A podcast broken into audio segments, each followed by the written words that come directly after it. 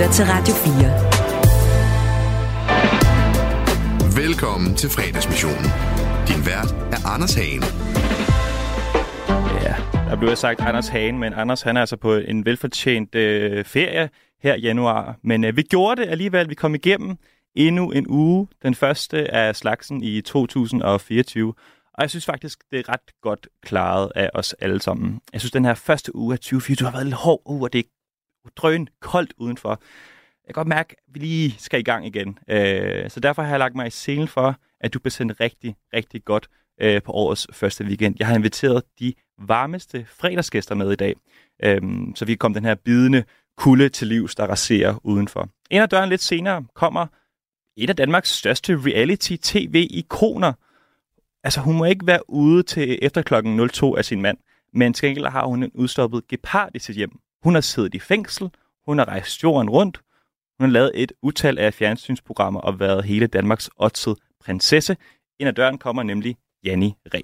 Men lige om lidt kan jeg byde for alvor velkommen til en mand, der har delt adskillige millioner ud til velgørende formål, styret en flyvemaskine som barn, interviewet store stjerner som Lars H.U.G. og Paul McCartney, røget en cigaret i morgenfjernsyn med Viggo Mortensen, været postbud engang, og så har han en GPS, der hedder Else. Du kender ham fra adskillige fjernsynsprogrammer, hvis du på noget tidspunkt har tændt for TV2, altså de seneste 25 år. Hvem vil være millionær? Mandagschancen, God Aften Danmark osv. osv. Han har været hele vejen rundt på, på TV2. Og øh, det her bliver jo aldrig nogensinde en fuldendt udgave af fredagsmissionen, før vi har været forbi øh, Knud Melgaards brevkasse, og han sidder klar til at svare på dine dilemmaer lidt senere her i programmet. Det er altså 1424, hvis du har lyst til at øh, sende nogle dilemmaer afsted øh, til Knud. Han kan hjælpe med stort set alting. Hvad går der og bakser med? Knud, han kan øh, hjælpe dig. Jeg har glædet mig øh, absurd meget til den her dag og til at føre det her program afsted.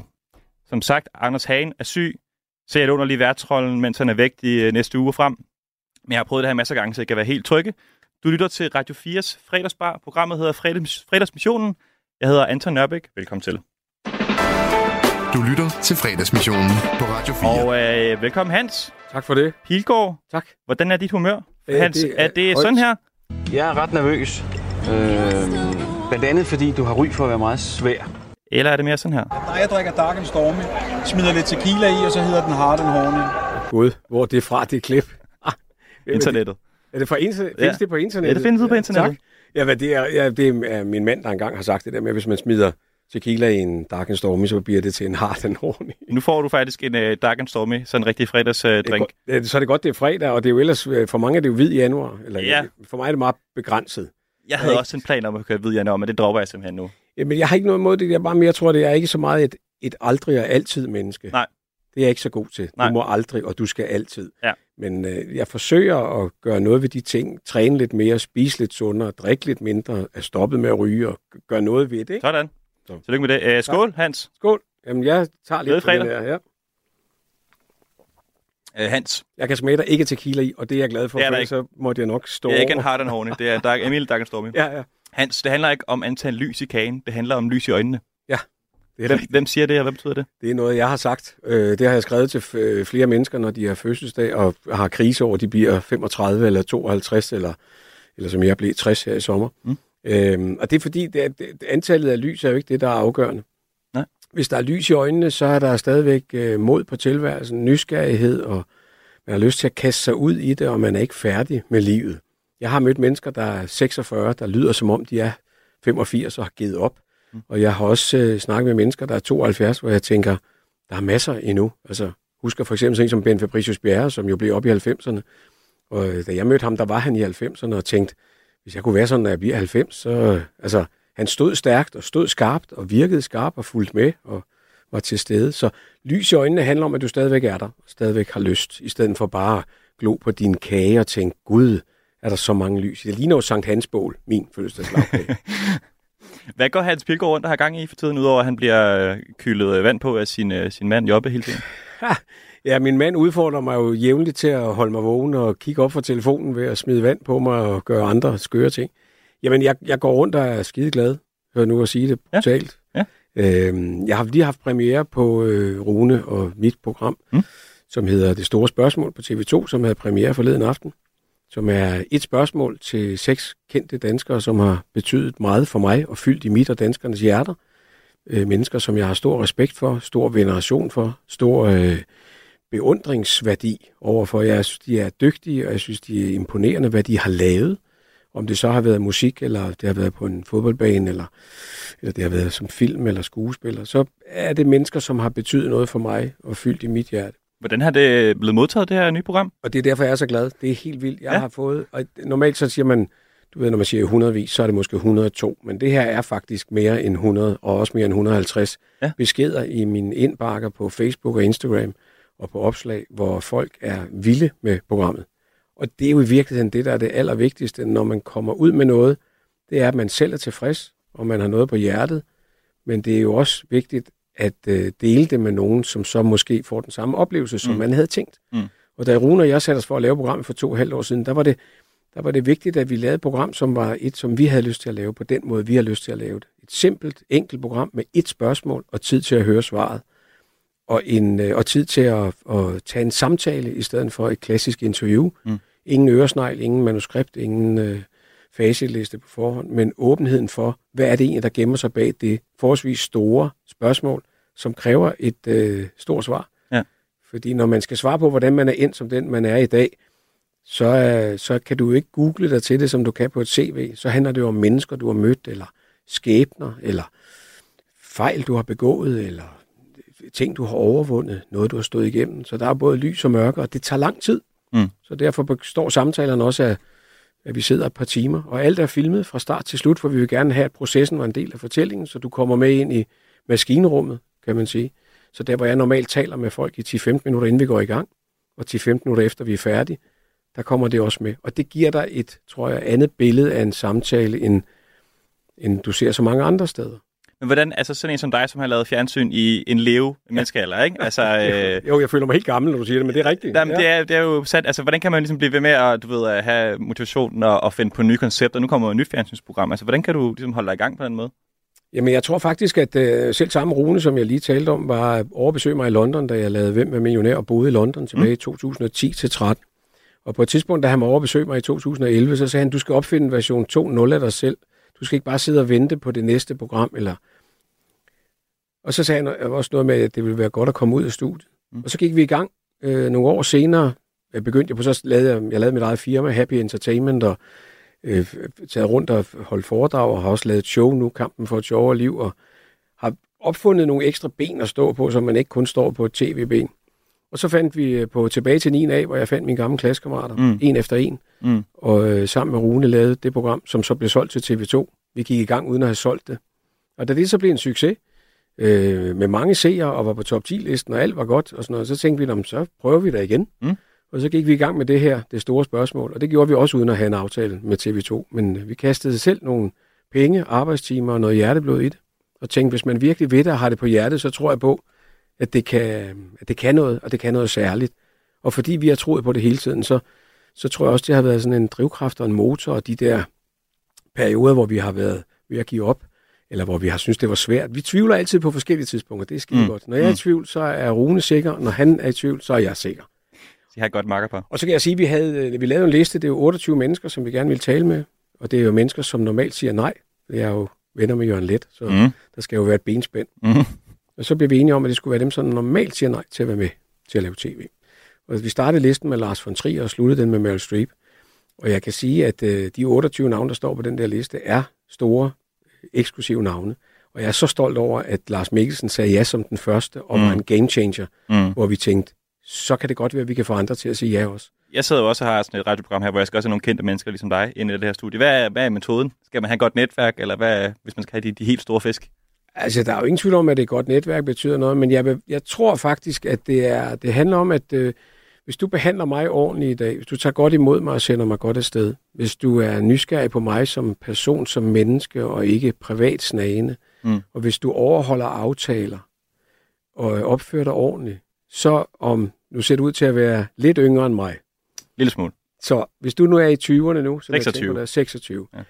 Du skal nok, øh, det skal nok komme tilbage, hvis du gør det ordentligt og gør det de næste 20 år. Så vil du om 20 år være i stand til at trække på nogle af dem, der har været her måske da de var mindre fisk, og som ender med at blive de store fisk. Når de så har været med længe nok sammen med dig, så tænker de, ham kan vi godt stole på, så Anton siger, at vi skulle ja til. Jeg tror, det er noget af det, der skete, at Lars Mikkelsen, som vi, kender jo ikke hinanden, eller vi gjorde ikke, nu er jeg stolt over at sige, at vi er blevet venner, stolt, mm. fordi han er så skønt et menneske.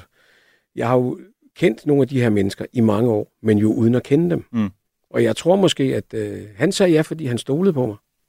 Og det tror jeg også er tilfældet med Anne Linnet og Lars von Trier skal jeg slet ikke gøre mig klog på, hvorfor Nej. jeg sagde ja. Fordi det var, vi startede listen med ham, fordi han var det stensikre nej. Ja. Vi vidste, han ikke ville være med. Ja. Han er aldrig med i sådan noget. Nej. Han taler i hvert fald aldrig om sig selv. Nej.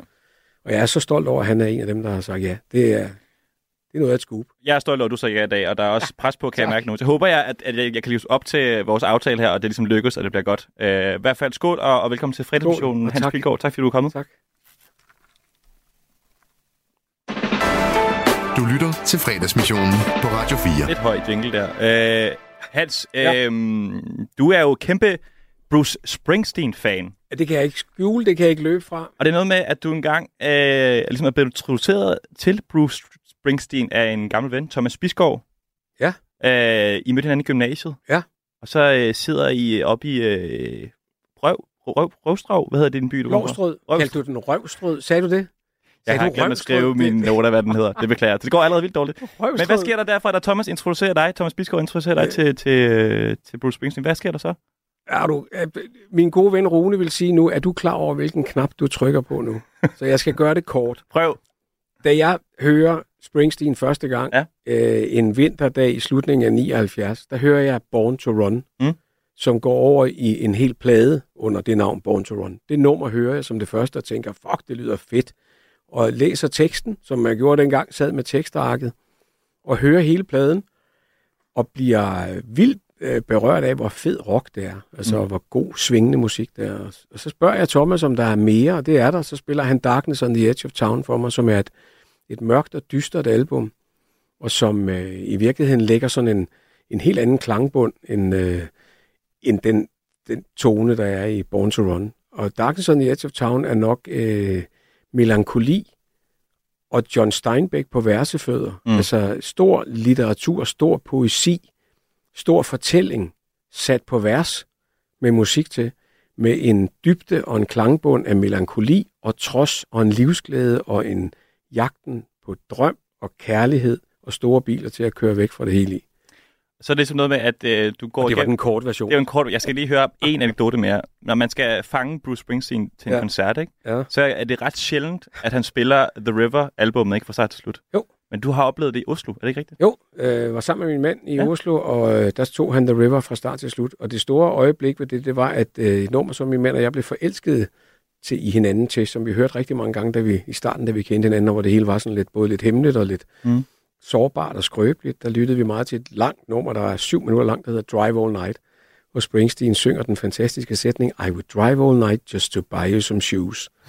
altså, som er en meget kærlig måde at sige på, at der er nogle øjeblikke i livet, hvor man møder nogen, man tænker, dig vil jeg gøre alt for, og så Mm. mm. pakker han det ind i at køre hen og hente sko, eller købe Mm. mm. sko. Ikke? Men øh, det er, altså, det er sjældent, at han spiller hele albumet, det gjorde han der. Nu skal vi, lidt lidt skal vi faktisk høre noget af det, øh, men først får vi lige sådan en her.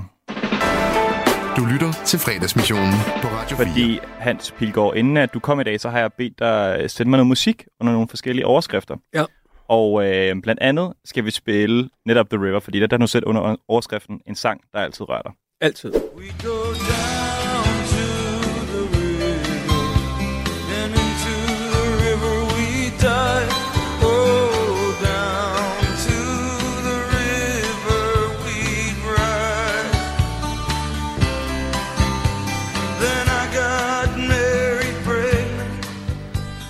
Hvorfor rører den her sang der altid, Hans? Jeg tror, det er fortællingen. Jeg tror, det er følelsen af rigtig... Altså, det er en rigtig sang om rigtige mennesker og rigtig liv. Og jeg tror, at jeg altid har spejlet mig i øh, hans musik, som har rørt noget meget dybt liggende i, hvem jeg er. Jeg, fordi jeg har den samme tvivl og de samme drømme, som, som han har. Og det, som jeg tror, de fleste mennesker har i virkeligheden. Vi har det til fælles. Vi vil gerne elskes, og vi vil gerne have opfyldt vores drømme, og vi vil gerne finde en mening med at være her. Og så slås vi nogle gange med noget mørke, som jeg så har fundet ud af, at han også slås med. Mm.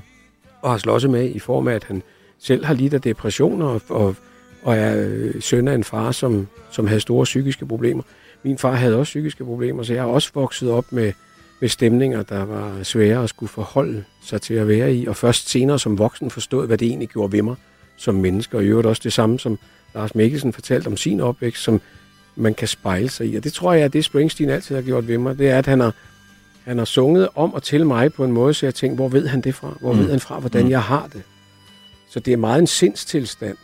Og så elsker jeg jo, når han, han starter med at sparke benene væk under dig til en koncert. Mm.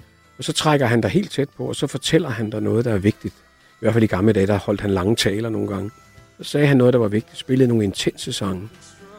Og så sparkede han benene væk under dig igen og sagde, nok om det, nu skal vi have en fest. Og så sluttede koncerten med to timers vild fest. Fordi hans koncerter altid har været mellem tre og fire timer lange. Så du kom igennem sådan et helt forløb, som også er sådan et livsforløb, og sådan et indimellem, så skal du også bare lade være med at tænke for meget, lade være med at spekulere mm. for meget, lade være med at være så hård ved dig selv. Tilgive nogle andre, tilgive dig selv, og så sæt noget god musik på, og så hold en fest. Dans. Apropos øh, dans, Hans, så har du også sendt mig et andet nummer. Øh, det lyder sådan her. Reach out, touch faith.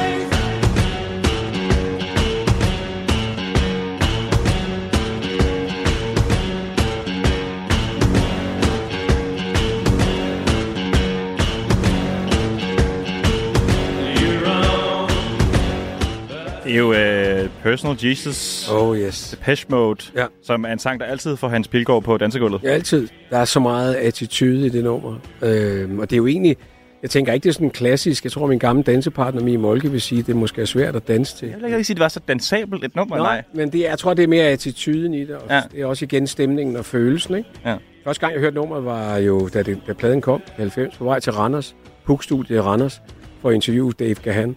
Den plade, der kom ud her. Ja. Øh, så jeg sad ved en swimmingpoolkant i Puk-studiet i, i Randers og interviewede ham, og han var meget karismatisk.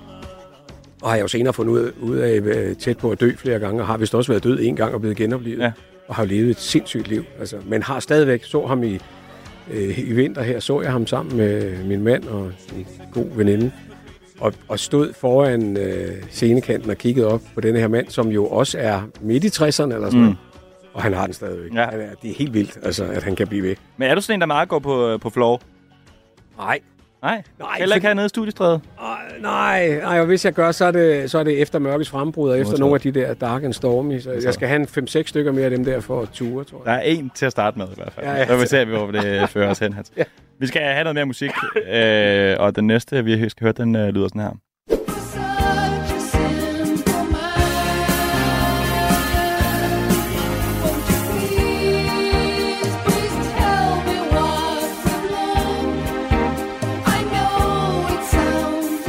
The Logical Song fra Supertramp. Kendte du dem? Øh, jeg kender nummeret, Ja. vil jeg sige. Gjorde det? Okay. Ja, det gør jeg. Men øh, ikke bandet. Det kan jeg godt forstå. Det er jo også de er jo fra, det er jo fra 80'erne. Det er jo min ungdom. Det er jo en sang, øh, der minder Hans Pilgaard om sin øh, teenage-tid. Ja, og ja. det minder mig om, da, vi, da Rune og jeg lavede. Vi brugte det nummer til at lave tilbage til 9 af. Ja. Fordi den er fra den periode, Ja. og det er det der med, when I was young, it seemed that life was so wonderful, mm. magical.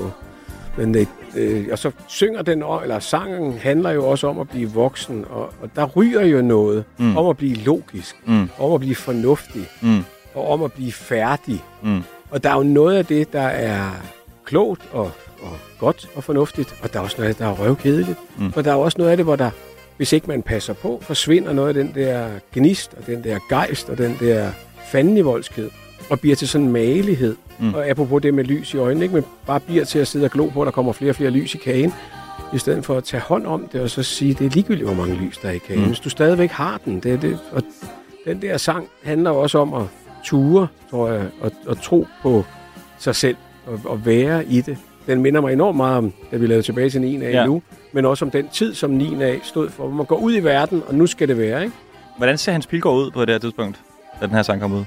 Oh, jeg, altså, når jeg ser billeder af det, så tænker jeg, shit, altså, det, er ikke specielt, øh, altså, jeg synes ikke, jeg lignede noget, jeg synes ikke, jeg var noget, altså Nej. sådan, sådan druknede lidt i flokken, men jeg larmede meget, og havde, øh, jeg havde grydefrisyr noget af perioden, kan jeg se på nogle af billederne fra ja. dengang. Men, øh, Men du siger, du druknede. I dag drukner du ikke. I dag der står du jo frem som en, en stor tv-personlighed. ja, jeg larmer. Er det fordi, at øh, du er blevet øh, druknet, så at sige, i din øh, teenage-tid, at du nu kæmper igennem lydmuren? Nå, jeg tror, jeg altid har haft et behov for at gøre opmærksom på, at jeg var det. Jeg tror, jeg har været sådan... I virkeligheden, der var ikke nogen, der er ikke mange af dem, jeg kender, der tror på, at jeg er generet. Og... Altså, folk tror jo, at jeg kommer bullerne ind, og så kører det derud af. Men Ja. i virkeligheden er jeg jo generet. Og det er der ikke ret mange, der tror på. Men jeg tror, at det, jeg gør, er jo det typisk også, at mennesker, som kan være generet, det gør. Mm. Jeg enten stiller jeg mig helt ude i hjørnet og venter på, at der kommer nogen, jeg kender, som jeg kan gemme mig sammen med. Eller også stiller jeg mig ind midt på gulvet. Så begynder jeg at råbe, danse, synge, gøre alt muligt, og tænke, det skal nok gå. Altså, så der har været sådan en fanden i voldsked, en trods i mig. Sådan, Mm.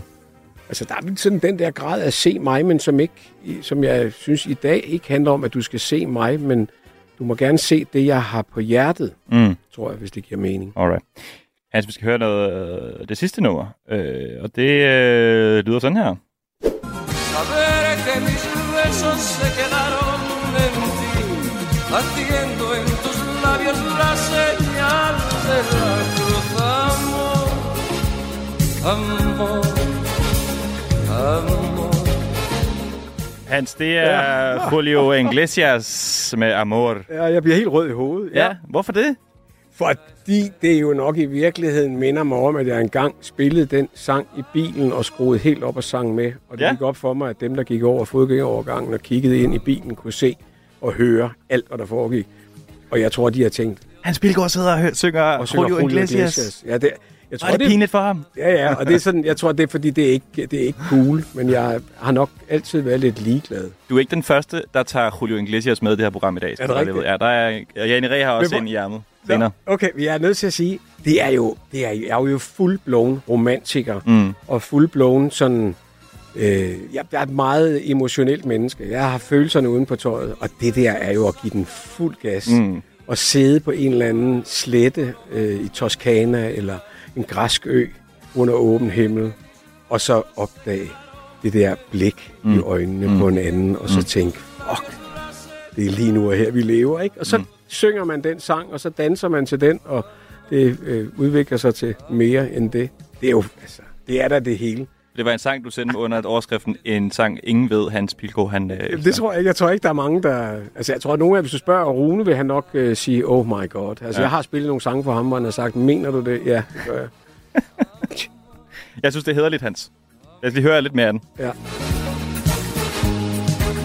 Nació de Dios para los dos, nació del alma.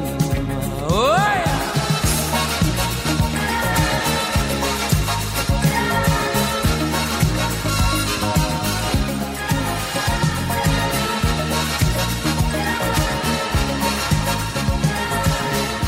Der bliver grinet i studiet. Ja, men det, prøv, du skal ikke fortælle mig, at du ikke tænker, kunne det egentlig ikke være sjovt, hvis vi drak en 4-5 af de der Dark and Stormy, snakkede lidt om livet under åben himmel, og så bare dansede afsted og var lidt ligeglad. Er det, Det ikke vil jeg meget gerne. Hans, vi skal ud i en klassisk fredagsmission-disciplin. Øh, den hedder enten eller. Ja.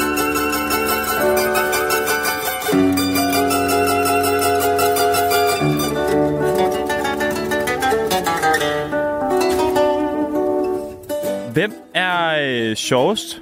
Jørgen Let eller Michel Belesch? Øh, det er jeg sgu nok nødt til at sige, at øh, det, øh, åh, det er et svært valg, men det er nok Michelle. Hun er verdens bedste historiefortæller. Altså, hun er simpelthen så god til at fortælle historier. Der er nogle gange, jeg beder hende om at fortælle en historie, jeg har hørt før, men fordi der er en i selskabet, Der har aldrig har hørt den, så siger jeg til hende, fortæl lige den der. Men øh, hvad med det her øjeblik fra øh, dig og Jørgens tv-program? Hvis jeg skulle, hvis jeg skulle falde om i dag, Jørgen, så, så dør jeg lykkelig. ja. Hold nu kæft. Åh, oh, ja. Det er utroligt, at det skal være sådan, at det skal ende på den måde. Ja. Den store romantiker, der sidder her, fodrer fuglen og... Hvad er det, I sidder og griner her? Der er Og det er et af de største grineflip, jeg nogensinde har haft Ja. i mit liv sammen med Jørgen Let. Det er også derfor, jeg siger, at det var faktisk et svært valg, for jeg synes, at Jørgen er et af de mest øh, kærlige og sjove øh, mennesker, jeg kender. Ja. Og han, han, han besidder selvironiens gave, og det er nok meget godt, for ellers tror jeg, at han var blevet lidt for højtidelig og selvhøjtidelig mm. undervejs. Ikke? Men han kan godt grine af sig selv. Det her er en situation, hvor vi skal have piknik, og hende, der stod for programmet, Jørgen Let, øh, eller, ja, øh, hvad fanden, jeg nu kan ikke glemme, hvad det hedder, Nå, men Mit Frankrig. Midt Frankrig. Ja. Øh, Christina Buk, der lavede programmet, hun kom og spurgte mig, om jeg nogensinde havde været på piknik. Så Ja. sagde jeg, ja, det har jeg. Nå, men kunne du tænke dig det? Fordi det var jo ikke sådan, alt var jo ikke planlagt ned i mindste detalje, så det var lidt spontant. Så hun, kunne du forestille dig at tage Jørgen med på en piknik? Fordi han har aldrig prøvet det, siger jeg. Det var da sagtens. Altså bare på en bænk med noget ost og noget brød. Ja, ja. Så jeg foreslår ham det der, og han, han synes sådan er lidt mærkeligt. Mm. Hvorfor skal man nu ikke sidde ved et bord? Hvorfor Ja. skal man sidde på en bænk, og det er svært, og man bliver griset og sådan noget, ikke? Og så sidder vi der, og så fodrer jeg de her fugle, og så kan, der kommer flere og flere fugle til, og så siger jeg til ham, ej, det er synd, der er, jo, der er jo faktisk ikke nok til dem alle sammen. For så kigger han på mig og siger, sidder du og fodrer fuglene? Sådan lidt sådan, hvad er det, du laver? Mm. Så siger jeg, ja, men problemet er, at der er ikke nok til dem alle sammen. Så siger han noget i retning af, det er generelt det, der er problemet jo. Og så begynder jeg at grine af det, og så siger han, den store humanist. Og så begynder jeg, kan jeg slet ikke, altså fordi han sidder og kigger på mig som, han er jo på mange måder faktisk, et, han er på mange måder et brutalt menneske. Ja. Men det er han også over for sig selv. Mm. Så hans billede af det her, den store humanist, som er mig, den store følsomme øh, småpoet, der sidder der, og så sidder den store brutale poet, som jo er poet i en særklasse, og over mig. Så sidder han ved siden af og kigger på det her, og så begynder vi at grine begge to, og det er, altså jeg tror, vi grinede i 6 minutter. Altså det er, det er klippet ned, det der, men det er, det er et af de bedste grineflip, jeg har haft i mit liv. Ja, dejligt klip. Jeg kan anbefale lige at gå ind på YouTube og finde det til at lytte. Det er meget, meget skønt. Selvfølgelig ja. efter, du har hørt færdig i dag. Ja, ja. Æh, hvornår har du haft mest is i maven, Hans, da du øh, klokken 2 om natten i en bytur beskyldt, bliver beskyldt for at være Jes Dorf, eller, den, eller dengang du som praktikant på Berlingske opdigtede en nyhed om Tour de France? Ah, ja, ja, ja, jeg har nok øh, mest is i maven øh, i forhold til... Jeg tror, jeg lærte af det med at opdægte en nyhed. Det, og det er virkelig en hård melding. Fordi man, nu er jeg nødt til at fortælle. Du selv tænker på, har du løjet? Ja, men ubevidst. Ja. Den eneste gang, hvor jeg har begået den der klassiske journalistiske brøler, som er at skrive noget på noget, man tror. Mm. Og det var fordi, dengang i... Vi, vi taler altså om 1985 eller sådan noget, 86. Og jeg sad og så Tour de France i fjernsynet, men det gjorde man jo først efter. Dengang var det ikke direkte transmission. Så jeg får øh, på telegrambyråerne en melding om, at etappen er slut, og at øh, Lance Armstrong har vundet med et sekund foran Greg LeMond. Mm. Jeg tror, nej, ikke Lance Armstrong. Jeg, jeg har nu glemt, hvad han hedder, men det var Greg LeMond og så et, en anden, et andet stort navn. Og fordi der er et sekund til forskel, eller samme tid, så tænker jeg, så har der været opløb til stregen. Så jeg skriver en dramatisk øh, artikel om, at, øh, at øh, den ene får revet cyklen de sidste millimeter foran den anden og vinder etappen. Mm. Og så sætter vi os og ser etappen, da den bliver sendt, transmitteret på DR. Og så sidder jeg sammen med Jens Karl Christensen, øh, som er sportsredaktør og en, en stor personlighed og fyldt meget i mit journalistiske liv. Og så sidder vi og får os en øh, fyraftensøl, fordi avisen er jo gået i trykken. Mm. Og så ser jeg etappen i fjernsynet.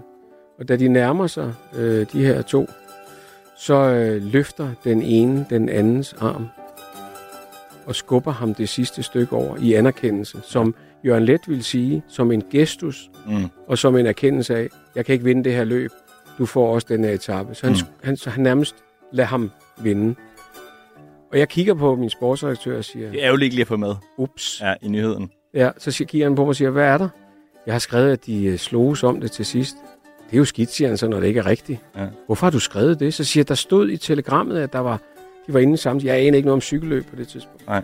Det er 7, 9, 13. Eller, ja, det, jeg mener ikke, at der er nogen, der kan beskylde mig for andet end den ene gang at have pyntet så meget på historien, at det, at det var unfair. Nej. Jeg fik også skrevet, der var jo en, der skrev, jeg kom jo læserbrev, dengang var det jo ikke med det samme. Der var læserbrev, hvor der var en, der skrev, hvad er det for en fantast, der er blevet ansat på sporten, som skriver fanta- fantasierne ud på det der. Det var, det var pinligt. Og jeg, jeg undskyldte også og øh, rettede det til anden udgaven, så det findes kun i nogle få eksemplarer af, af den søndagsavis, der udkom der. Ikke? Men øh, jeg blev flov, og det krævede lidt is imellem. Jeg, også, jeg tænkte, der var ikke andet at gøre, end at bare skynde sig og sige, mm. jeg har begået en fejl, jeg må rette den. Mm.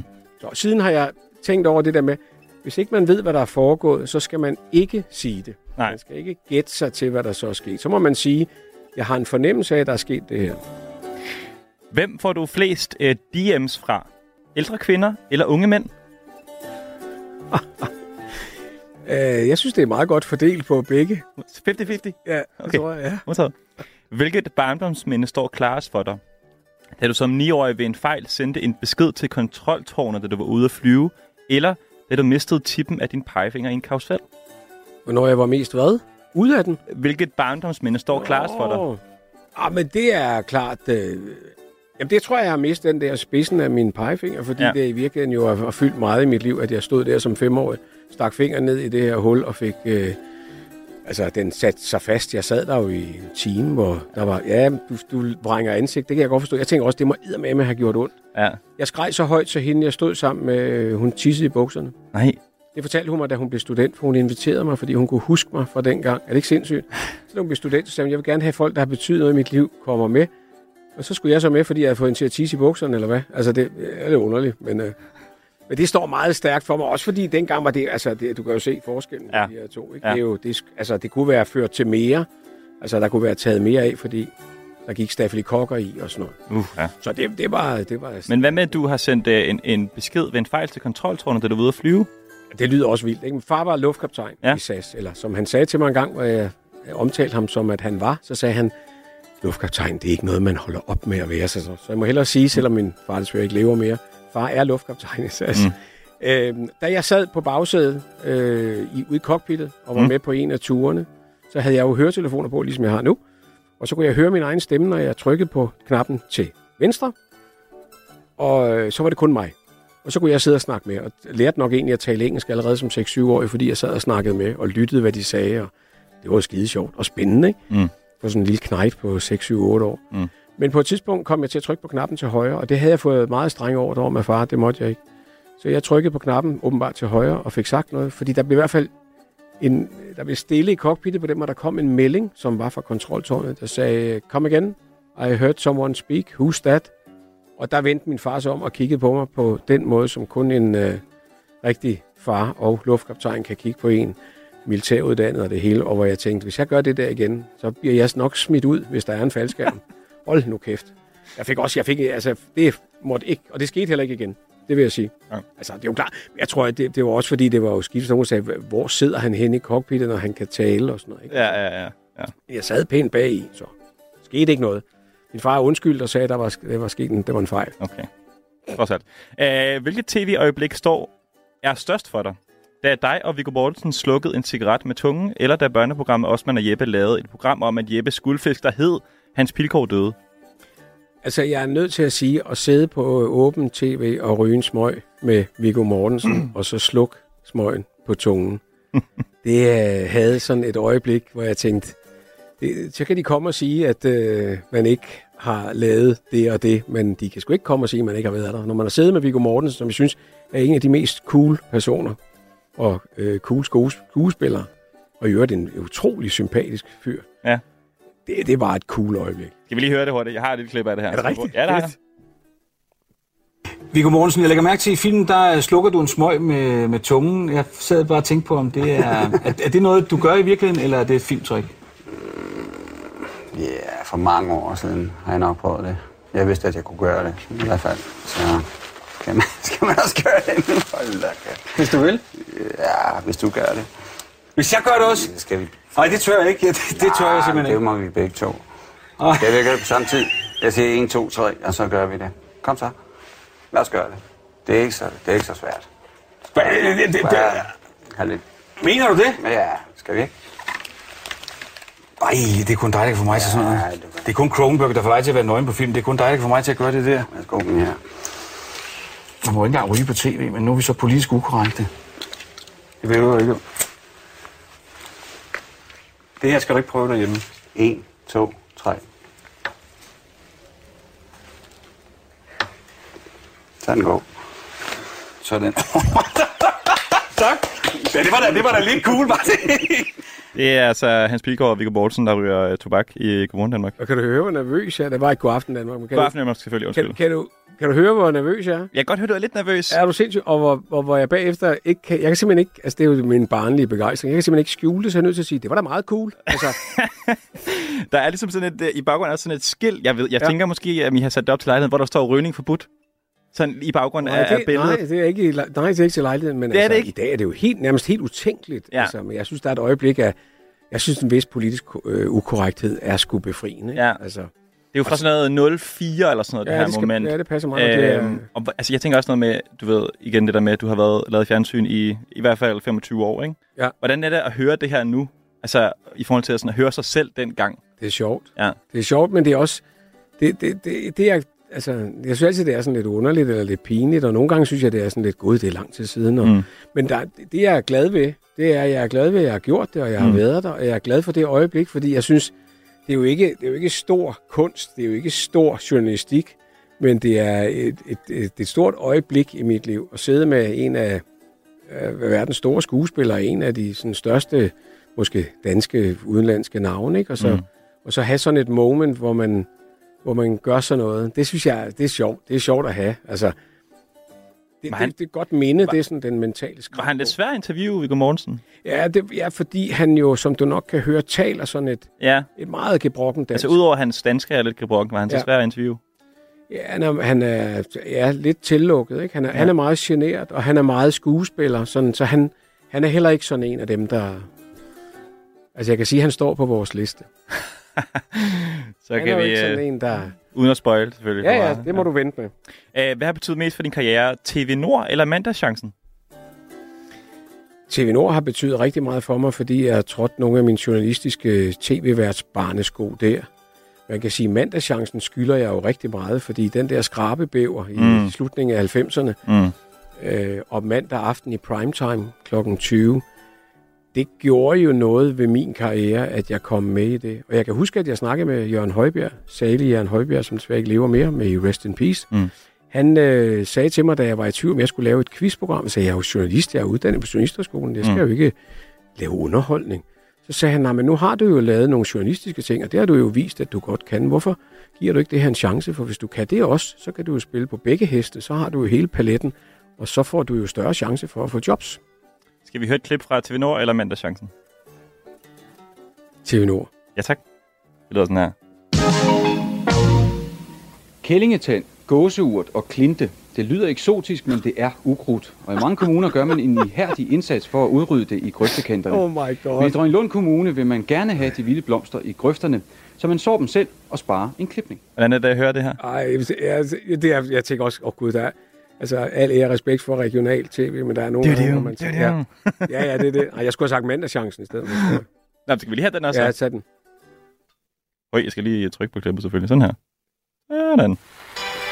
Pilgaards hjemmeservice har i anledning af julen en ekstra stor julegave fra Ja. os til jer. Jeg troede ikke, det var mig. Det er helt vildt. ja. På mandag bliver en af jer ikke 10, men 50.000 kroner rigere. Tag chancen, mandagschancen her på TV2, mandag kl. 20.35. Vi laver altså ikke fjernsyn sådan der længere. Det gør man bare ikke, Hans Pilgaard. det er det. Men det er du vokset op til. Ja, jeg Nej, er er vokset op. Jo, jo, ah, okay, men chancen er måske lige før min tid. Men Ja, ellers det jo. er det. Ja. Slap af. Ja, jamen, det er rigtigt. Ja, du er jo nærmest ikke... Ja, du er jo... før- Hvis man er 26, hvornår er man så... 97. Men det var der. Ja. Så det kan du ikke huske. Nej, det kan det jeg der. Jeg har begyndt at arbejde sammen med mennesker, der... Altså, nu møder jeg jo mennesker, som jeg arbejder sammen med, der, der siger, "Nå, hvornår er du så fra? Jeg er fra 2001. Og hun tænker, skulle du så ikke tilbage i skolen? Nå nej, du er godt være op så 21, sent. Altså, vi har lidt travlt til. Ja. Du skal prøve at se, om du kan svare de næste lidt hurtigere, okay? Ja, det gør jeg. Æh, hvilket sted er mest hjem for dig? Øh, Blåstrød eller Aarhus? Aarhus. Modtaget. Hvilken oplevelse var mest rørende? Da du gav 20.000 dong til en, en dreng på gaden i Ho Chi Minh i Vietnam, eller da du i 7. klasse tudede til What a Wonderful Life, efter din kæreste Bettina havde slået op med dig? Jeg tror, det er tude til What a Wonderful Life. Eller What a Wonderful World af Louis Armstrong. Ja. ja. Og Bettina havde slået op med mig. Jeg var knust og tænkt, det bliver aldrig det samme igen. Det blev det. Det var godt. Æh, hvad har folk sværest ved at forstå, når du fortæller dem det? At du har flyskræk, selvom din far var luftkaptajn, eller at du har rigtig mange forskellige bankkonti? Jeg tror, folk er svært ved at forstå, at en søn af en luftkaptajn kan være blevet bange for at flyve, men jeg kæmper med det og synes, det går bedre med at komme over det. Men det er nok det, folk er sværest ved at forstå. Det andet tror jeg egentlig, det er kun min bankrådgiver og, øh, og så min revisor, der ikke forstår det, men griner af det. Hvad er det for noget med de forskellige bankkonti? Undskyld. Jeg gør ikke noget, Hans. Jamen, det, jeg tror bare, det er, fordi jeg kan godt lide at have kasser.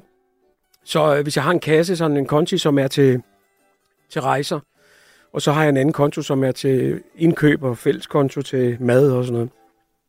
Hvis så der mangler lidt penge på fælleskontoen, så vil jeg helst ikke gå af med dem fra, fra øh, feriekontoen, fordi så er der jo ikke så mange penge at rejse for.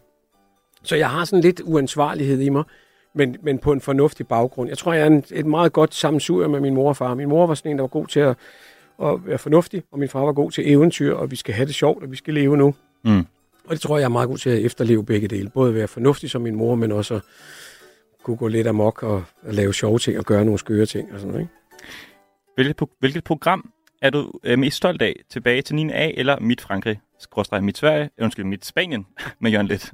Øh, helt klart tilbage til 9 af, som jeg lavede sammen med Rune, fordi det er mit og vores. Det er noget, Mm. vi selv har lavet, selv har fundet på, selv har udviklet og selv har eksekveret. Så, så helt klart derfor. Men karrieremæssigt er jeg også enormt stolt af at have været med til mit Frankrig og mit Spanien, fordi jeg synes, at, øh, jeg synes faktisk, at der kom noget rigtig godt ud af de programmer. Mm. Mm. Så. Men det er tilbage til 9 af, at det, det er vores, altså mit. Mm. Hvem var vildest at interviewe? Paul McCartney eller Bruce Springsteen? Springsteen, fordi han siden 79, som jeg sagde, har været der, ikke? Ja. Men, men, men at interviewe Paul McCartney er jeg nok nødt til at sige, det svarede jo til at interviewe dronningen. Ja. Altså, det, er, det bliver jo ikke større. Nej. Springsteen er jo i den sammenhæng trods alt lidt mindre. Altså, står ved siden af, ikke? McCartney har været med til at starte hele skidtet. Ja. Så det var et kæmpe øjeblik. Ja. Men altså, interviewe Springsteen, som jeg nu har gjort et par gange, og den ene gang fik dedikeret The River fra scenen i 2007, hvor Rune stod ved siden af og Ja. sagde, nyd det bare, for det er rigtigt. For jeg sagde, er det virkelig rigtigt? Ja, hold nu kæft og nyd det. Det var stort. Så det er svært at vælge, men jeg er nok nødt til at sige, at interviewe en Beatle, det er... Der er ikke så mange danske journalister, der har gjort. Nej, så det er, det var det har Hans Pilgaard. Ja, det har han. Hvilket land kan du bedst lide? Argentina eller Færøerne? Færøerne. Men du er også glad for Argentina, ikke rigtigt? Jo, Argentina er nummer... Altså, der er tre lande, som jeg... Hvis jeg nu har jeg været i over 50 lande, og der er jo mange lande at nævne, som har fantastiske ting at byde på. Men jeg tror, at der, hvor jeg har følt mig mest sådan betaget og følt mig mest sådan revet med, det har Mm. været Færøerne, Argentina og det skotske højland. Ja, tak. Øh, men Færøerne er noget helt særligt, fordi det betyder noget i hjertet at få bygget hus deroppe sammen med min mand, og, og har det som sommerhus, ikke? Og som, ikke kun om sommeren, men nu her om vinteren. Vi tager afsted sådan 6 uger, 8 uger her, hver februar, marts, april, og gemmer os væk deroppe. Og er i den store natur og kigger på de store vidder Mm. og fjeldsiderne og havet og sådan noget. Så det er, Færøerne gør noget helt særligt ved mig og rører mig dybt i hjertet. Og jeg føler det som et hjem. Mm. Og kommer til at sige, at nu tager vi hjem til Færøerne. Og jeg er meget stolt af, når vi lander deroppe, at nogle af vores færøske venner, der skriver til os, velkommen hjem. Altså velkommen hjem. Det, det rører mig enormt. Så tænker jeg, åh fedt, Mm. at de også synes, at det er lidt hjem for os. Ikke? Men døjer jeg meget med, med får op på taget? Ah, ja, været. Jeg har lagt nogle billeder ud på Instagram på et tidspunkt, fordi jeg, jeg kunne høre noget, der trampede rundt på taget. Og tænkte, hvad er det? Og nu skal jeg sige, at bagsiden af huset går lidt tæt på jorden, så man kan Ja. hoppe derfra. Ja. Det kunne de her seks får, som jeg så fik øjenkontakt med, da jeg åbnede vinduet og kiggede og tænkte, hvad helvede foregår der? Og så kiggede jeg og tænkte, er det et får, der står og glor på mig? Det stod fire meter fra mig og kiggede, og man kunne godt se, der var det der, det der døde blik, og de der stille 10 sekunder, hvor man kigger på hinanden, og man kunne se foråret og tænkte, gør han noget? Skal jeg løbe, eller skal jeg blive stående? Men I ikke kommet til skade i, på nogen får? Nej, Nej. nej, det er jeg ikke. Ja, godt. Øh, den sidste her. Hvilken oplevelse fra Hvem vil være millionær vil du helst have været for uden? Da Joachim Ingvarsen kommer ind og øh, undskyld, forlader programmet med 0 kroner, eller da Rasmus Brun og Frederik Silius gæster programmet, som aldrig blev vist på tv, fordi TV2 havde mistanke om snyd. Altså, jeg, jeg fortryder egentlig ikke nogen af delene, fordi jeg fortryder heller ikke, at øh, det ikke blev sendt. Og jeg ved jo, at de er jo turneret rundt med, at jeg ikke kunne tåle en spøj, hvilket er forkert. Det er meget simpelt. Og det er, at de forsøgte at snyde, og de vil ikke stå ved, at de forsøgte at snyde for at vise, at man kan, kunne snyde sig til en million. Og havde de stået ved det, så havde det været et helt andet efterspil. Men de skyndte sig med halen mellem benene og stak af ud af studiet, da vi fandt ud af, at de havde forsøgt at snyde. Mm. Det var meget simpelt. Mm. Så, og derfor blev det ikke sendt, fordi du kan ikke have sådan et program med det koncept, hvis, man, hvis det viser sig, at man kan snyde, eller, øhm, eller, eller, eller der er nogen, der har forsøgt det, og så... Så det, der var mest synd, det var faktisk for, jeg tror, det var kraftens bekæmpelse, de ville have pengene skulle gå til. Mm. Øh, og det var jo mest synd for dem, at de ikke fik de, øh, de 50.000. Altså, fordi det fik de ikke, fordi programmet ikke blev sendt, og fordi de forsøgte at snyde. Så. Og hvad med, da Joachim øh, kommer afsted uden nogen penge? Altså, Hvor ofte sker det? Ja, altså, det er sket nogle gange, men der Ja. er så nogle af dem, der, der har fået, fået en ekstra chance. Altså, det blev vist, at de ikke fik nogen penge, så har de fået en chance mere. Ja. Jeg er altid ked af det, når Joachim bliver ked af det, for Ja. han er sådan en sød, Ja. sød dreng og godt menneske. Så, Ja. så der, der er jo nogen, der har følt sig lidt ydmyget. Men altså, nu skal jeg ikke nævne nogen navne, men Jesper Steinmetz har jo været derinde sammen med Rasmus Tandholt, hvor, hvor det gik galt, og de røg ud på et spørgsmål om, amerikansk politik, Ja. eller amerikansk historie, og det var lige samtidig med, at Steinmetz var på vej til USA som korrespondent, og han sagde også til mig bagefter, det, det, det kan man jo ikke. Mm. Så siger han, I får en chance med, åh oh, fedt, bliver det, så bliver det ikke vist. Så sagde jeg, jo jo, det gør det, men I får en chance mere. Så var de glade. Vi er på vej ind i studiet, og så kigger jeg på dem og tænker, jeg er nødt til at berolige dem lidt. Så jeg siger med et smil i øjnene til dem, nu går vi ind og, får en, og giver en chance mere, men husk, at det kan jo være, det går sådan igen. Mm. Og så var de sådan helt, kunne jeg mærke, meget stille og meget ydmyge. Og det gjorde måske også, at de så i virkeligheden kom op på, jeg tror, de stoppede, eller de nåede op på 250 eller 500.000 i anden omgang. Så de fik reddet lidt af æren, ikke? Det var godt. Så, men altså, så Joachim Ingersen er ikke den eneste. Nej. Der er også noget med noget vasket kød med nieren og... Øh, Nå ja. ja, som, øh, Og UFO. Nej, ikke UFO. Jo, nej, UFO. Uso. Uso, undskyld. Ja. ja, det er rigtigt. Ja, de var så skidesøde, men de fik, de sagde noget...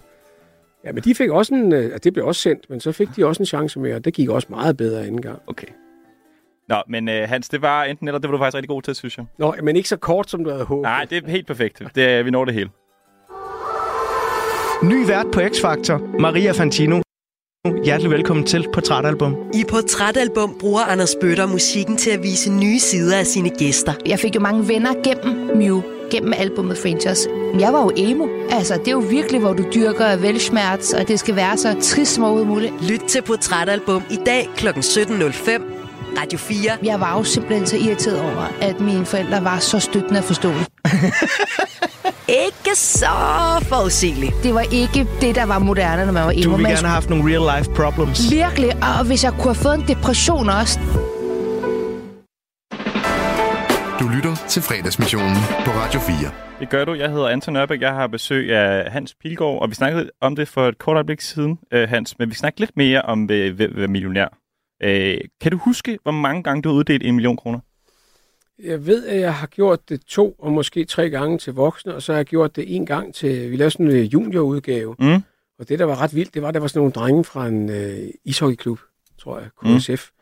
som øh, tog spørgsmål til en million, og som jo helt tydeligt havde den der øh, ukulige tro på sig selv, og det der vågemod, som nogle gange forsvinder, når man bliver voksen. Ah.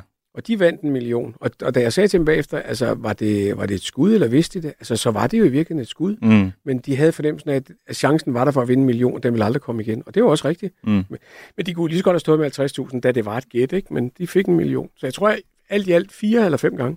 Det er rigtigt Ved faktisk du det? syv gange. Er det? Ja. Jeg har også listen her. Alle navne. Kan du, kan du huske nogle af navnene? Jeg kan huske brødren Lund Madsen. Det var... Det er rigtigt. Ja. Martin Krasning og Måns Lykketoft. Det er rigtigt. Ja, jeg skulle til at sige Måns Lykkestoft, men ja. Øh, Tommy Kenter og Line Bostrup. Gud ja, det er rigtigt. Lise Bostrup, ja. Nej, ja, det var, det var ret fantastisk. Han var, han var iskold. Ja. Altså, det, ja, det, var, det var ret sjovt. Han er, øh, han er en munter fyr. Morten Ræsen og Ellen Nybo har også gået med den. Det var en, øh, ja, det var jo værtsudgaven, hvor alle værterne fra TV2 var inde, og til knæk cancer. Mm. Og ja, og nogen sidder måske og tænker, Nå, men så var det derfor. Nej, det var det bestemt ikke. Altså, jeg var meget opmærksom på, at folk ikke skulle få fornemmelsen af, at der var nogen, der fik hjælp, eller der var Mm. nogen som helst former for, for snyd eller en. I øvrigt var det jo så også derfor, at det var derfor, det var så stort et problem Mm. med Frederik Selius og, og hans kammerat. Det, problemet var, at, at det, det stillede spørgsmålstegn ved troværdigheden, og det kan man ikke i sådan et program, og det var det, der var det taglige ved det. Mm. Og derfor det var et problem, fordi der skal man sige, havde det bare været noget, der var sjov og ballade, eller bare var gået ud over mig, men det vil gå ud over programmet, og det vil gå ud over troværdigheden. Ikke? Jeg skal lige spille et hurtigt stykke musik, fordi Ja. jeg skal lige finde et andet stykke musik, som, øh, som noget med dig at gøre, Hans. Jo.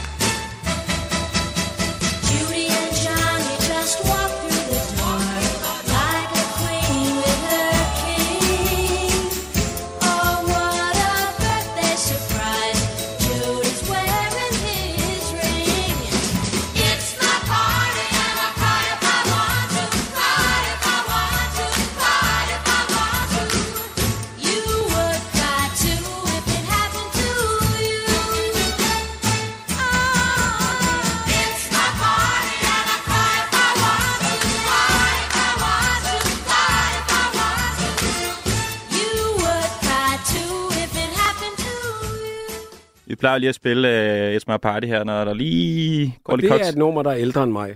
Det er det. Ja, det er, jeg rigtig helt Hans. glad for, for jeg tror faktisk, at det er fra slut 50'erne. Hans, jeg havde en drøm om at spille et klip for dig. Jeg har simpelthen glemt at lægge det over på mit afviklingsprogram her. Men det er et klip. Det er faktisk dig.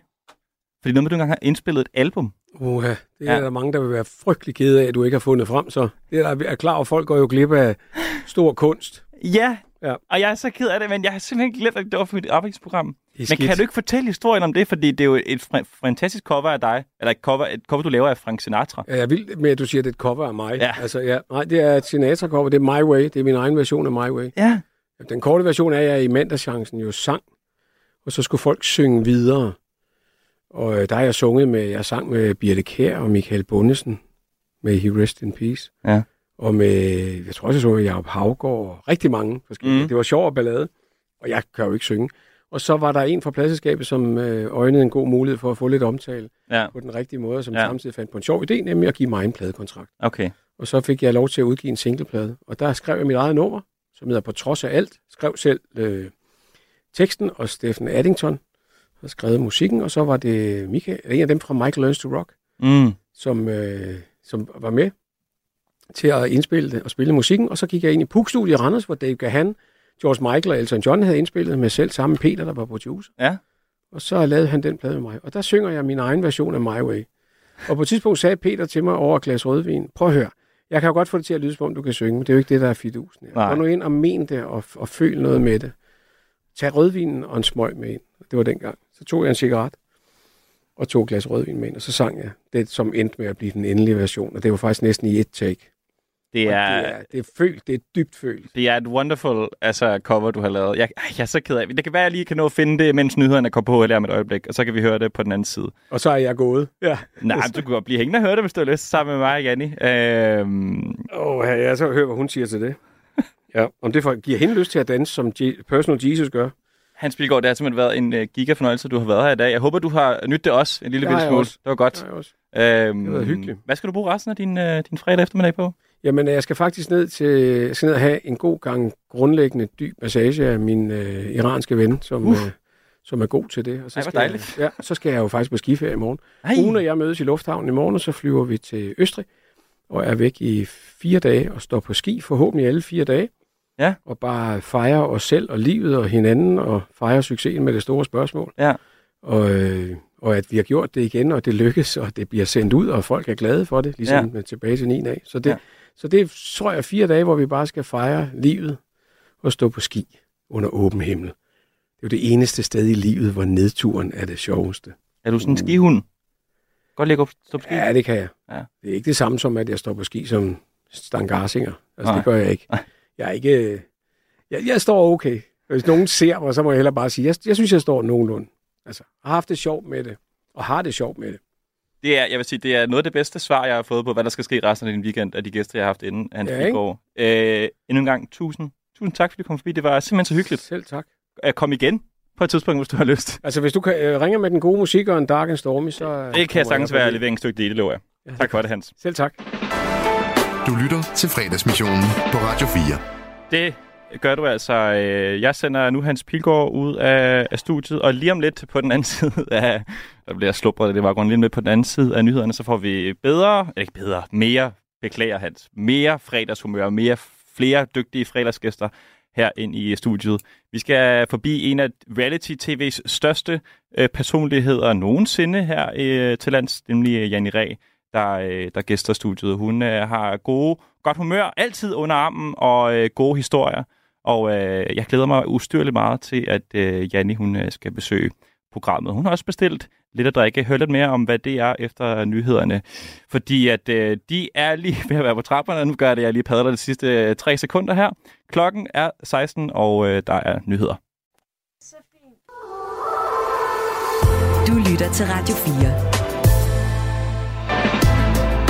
Velkommen til fredagsmissionen.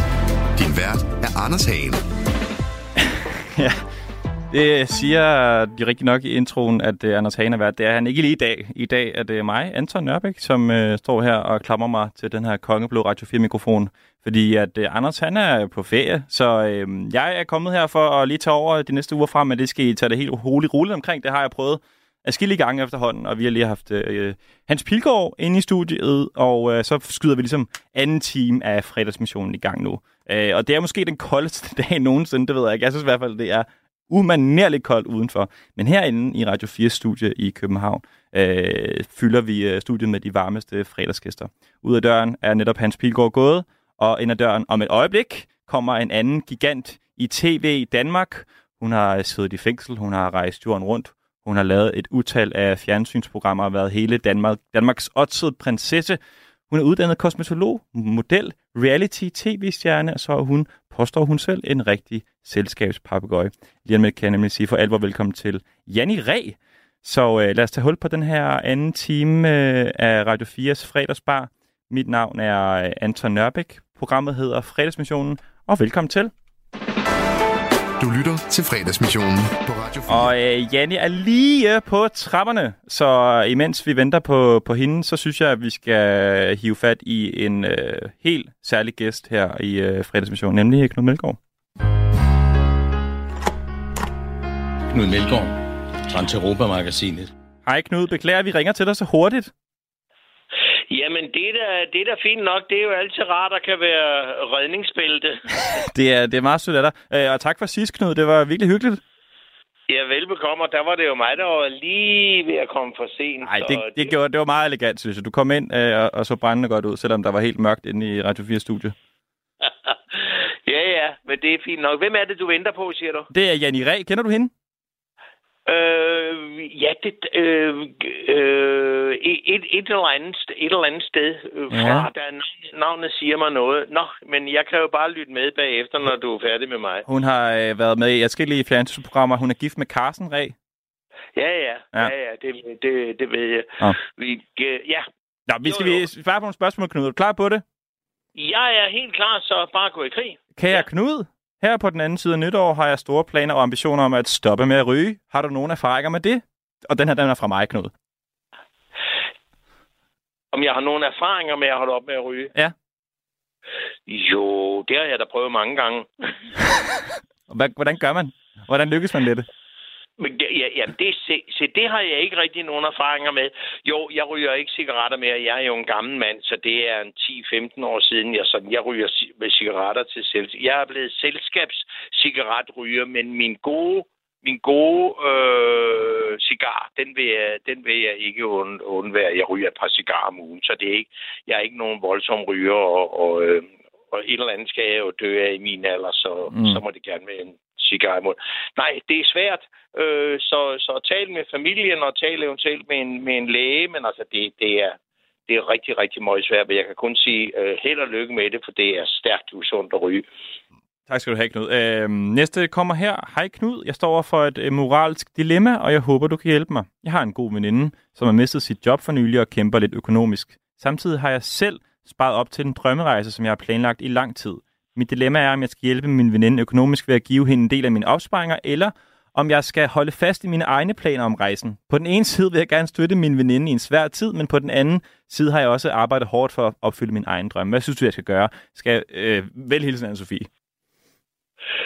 Ja, vi kan, jeg kunne forstå her på navnet til sidst, at det er altså er en, en øh, veninde. Det er to piger, vi taler om. Er det. Øh, altså, jeg må jo så sige til Anne-Sophie, var det det, hun hed? Ja, Anne-Sophie. Jeg må så sige, at det er, at hun overhovedet overvejer tanken, og, og at hun også øh, øh, vil spørge øh, os, øh, mig om det her, synes jeg, at allerede der har hun gjort en, en rigtig flot indsats. Nu ved jeg jo ikke, hvad det, hvad det handler om øh, af, af penge, men, men, men er, er det 5.000, er det 10.000, er det, er det en betragtelig del? Kan pengene hentes hjem igen? Det, det er altid noget, der er værd at, at overveje, og man kan komme i en situation, det har jeg været i, hvor jeg, hvor jeg øh, skulle øh, for mange år siden, da jeg havde penge, skulle låne en god ven penge. Og han blev lidt, øh, lidt halvsur, men gjorde det, fordi jeg sagde, jeg er nødt til at have en aftale, en skriftlig aftale om, hvordan og hvornår du betaler de her penge tilbage. Øh, så hun er, de, de, hun er nødt til at prøve at, at, at lave en, øh, en aftale med veninden, og så se, hvor meget det går ud over hende, hende, hendes eget, og hvor meget det går ud over deres eventuelle øh, venskab. For det kan jo også risikere, at man bliver uvenner, og så har hun mistet både sin veninde og sine penge. Mm. Det er svært men, men øh, hun skal prøve at skabe sig en eller anden form for sikkerhed i hvert fald. Alright. Jeg synes, det var et rigtig godt øh, råd, det der, Knud. Øh, næste lyder således. Hej Knud, jeg har et dilemma. Jeg står og skal være far om en måneds tid. Jeg har det egentlig ret godt og hygger mig, men jeg er bange for, at det ikke er proaktivt nok i forhold til at få gjort nogle af de der ting, som man skal gøre, når man først får et barn. F- øh, bør jeg gøre en lidt større indsats for at øh, få løbet hornene af, for jeg aner jo ikke, hvad jeg har tid til og ikke har tid til de næste 18 år. Jamen, han har jo fuldstændig ret, den unge mand. Han skal forløbig, forløbig skal han jo glæde sig over. Det er helt vidunderligt. Der findes ikke noget, øh, ikke den skønneste kvinde. Der er ikke noget i hele verden, der kan sammenlignes med det, han står inden for nu. Mm. Og jeg vil sige lidt af det samme, som jeg sagde til vores veninde før. Alene det, at han tænker så meget over det, tyder på, at han bliver en rigtig, rigtig god far. Mm han elsker så for, forhåbentlig sin kone eller sin kvinde eller det ene eller det andet, og han vil også elske de barn, der kommer. Men han har jo ingen forudsætninger for at bedømme, hvordan han er øh, som, som, øh, som far. Verden skifter til noget helt andet og noget meget, meget, meget bedre. Det er en stor, stor oplevelse, han, han, øh, han står øh, ind for, og det hele det kommer. Altså, vi er egentlig er, er vi jo bare nogle lidt højrestående aber, og vi lærer lynhurtigt at pille lus på dem og skifte blæer og, og gøre alle de der ting, som man skal gøre. Så frisk mod, hold fast i din, i din søde kvinde, og du kommer til at elske dit nye barn. Det er det bedste råd, jeg kan give. Det var et godt råd, Knud. Øh, et mere her. Kære Knud, jeg er blevet inviteret til fødselsdag hos min svoger i en fælles sms med hele familien. Han og jeg har aldrig givet gaver til hinanden, men nu er jeg i tvivl om, hvorvidt jeg kan møde op til fødselsdagen uden en gave. Han har sendt en ønskeseddel ud i fælles sms'en, men jeg er i tvivl om, jeg skal se bort fra den. Hvad synes du, jeg skal gøre? De bedste hilsner, Nikolaj. Jamen, det er jo klart, øh, hvad er det? Er det en rund fødselsdag? Så synes jeg, at han for en gang skyld skal bryde sit løfte og komme med en beskeden gave. Men er det en ven, der fylder øh, 22 eller 32 eller 41 eller sådan noget, så synes jeg, han skal holde, holde fast. Men har han ikke en eller anden, ham han skal til fødselsdag hos, har han ikke en kone eller en kæreste eller et nært familiemedlem, hvor man sådan lige kunne, kunne stikke snablen ind og sige, hør, jeg har fået, men den der fællesliste, og nu kommer jeg lige med en privat bemærkning. Giv fanden havde de sms'er. øh, fordi vi ryger alle sammen i samme potte. Generelt skal han holde, til, holde sig til den aftale, de har, om at de ikke giver gaver. Men ellers så skal han lige prøve at stikke, øh, at stikke øh, fingeren i, i, øh, i jorden. Det, det er stort set det bedste råd, jeg kan give ham. Det synes jeg er et godt råd. Det var det for Knuds brevkasse. Knud, hvad skal du bruge resten af den her fredag på? Bor for gang i mit fjernsyn. Hvad er der galt med det? Mig.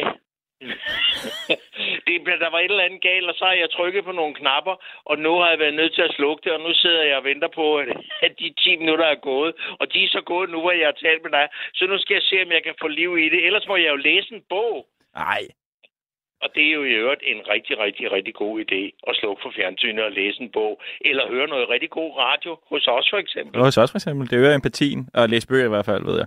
Øhm, Knud, tusind tak, øh, fordi vi ringer til dig. Vi gør det nok igen næste uge, hvis du er klar på det. Det er jeg selvfølgelig. Tak for det, Knud. Hej du. Hej så, hej så. Knud Melgaard, Transeuropa-magasinet. Ja, og vi øh, mangler stadigvæk Janni. Hun er lige på trapperne. Men i mellemtiden, så får I uh, mit yndlingsfredags nummer. Det er Al Jarreau, og det er Roof Garden. Hvis det gider at spille. Sådan, selvfølgelig. That's it. Get it, get it, that's it, that's it, that's it, baby. Hey, mom, what your mama gonna say? She finally let you party like this guy. Does anyone wanna go waltzing in the garden? Does anyone wanna go dance up on the roof? Does anyone wanna go waltzing in the garden? Does anyone wanna go dance up on the roof? Does anyone wanna go waltzing in the garden? Does anyone wanna go dance up on the roof? Does anyone wanna go waltzing in the garden? Does anyone wanna go dance up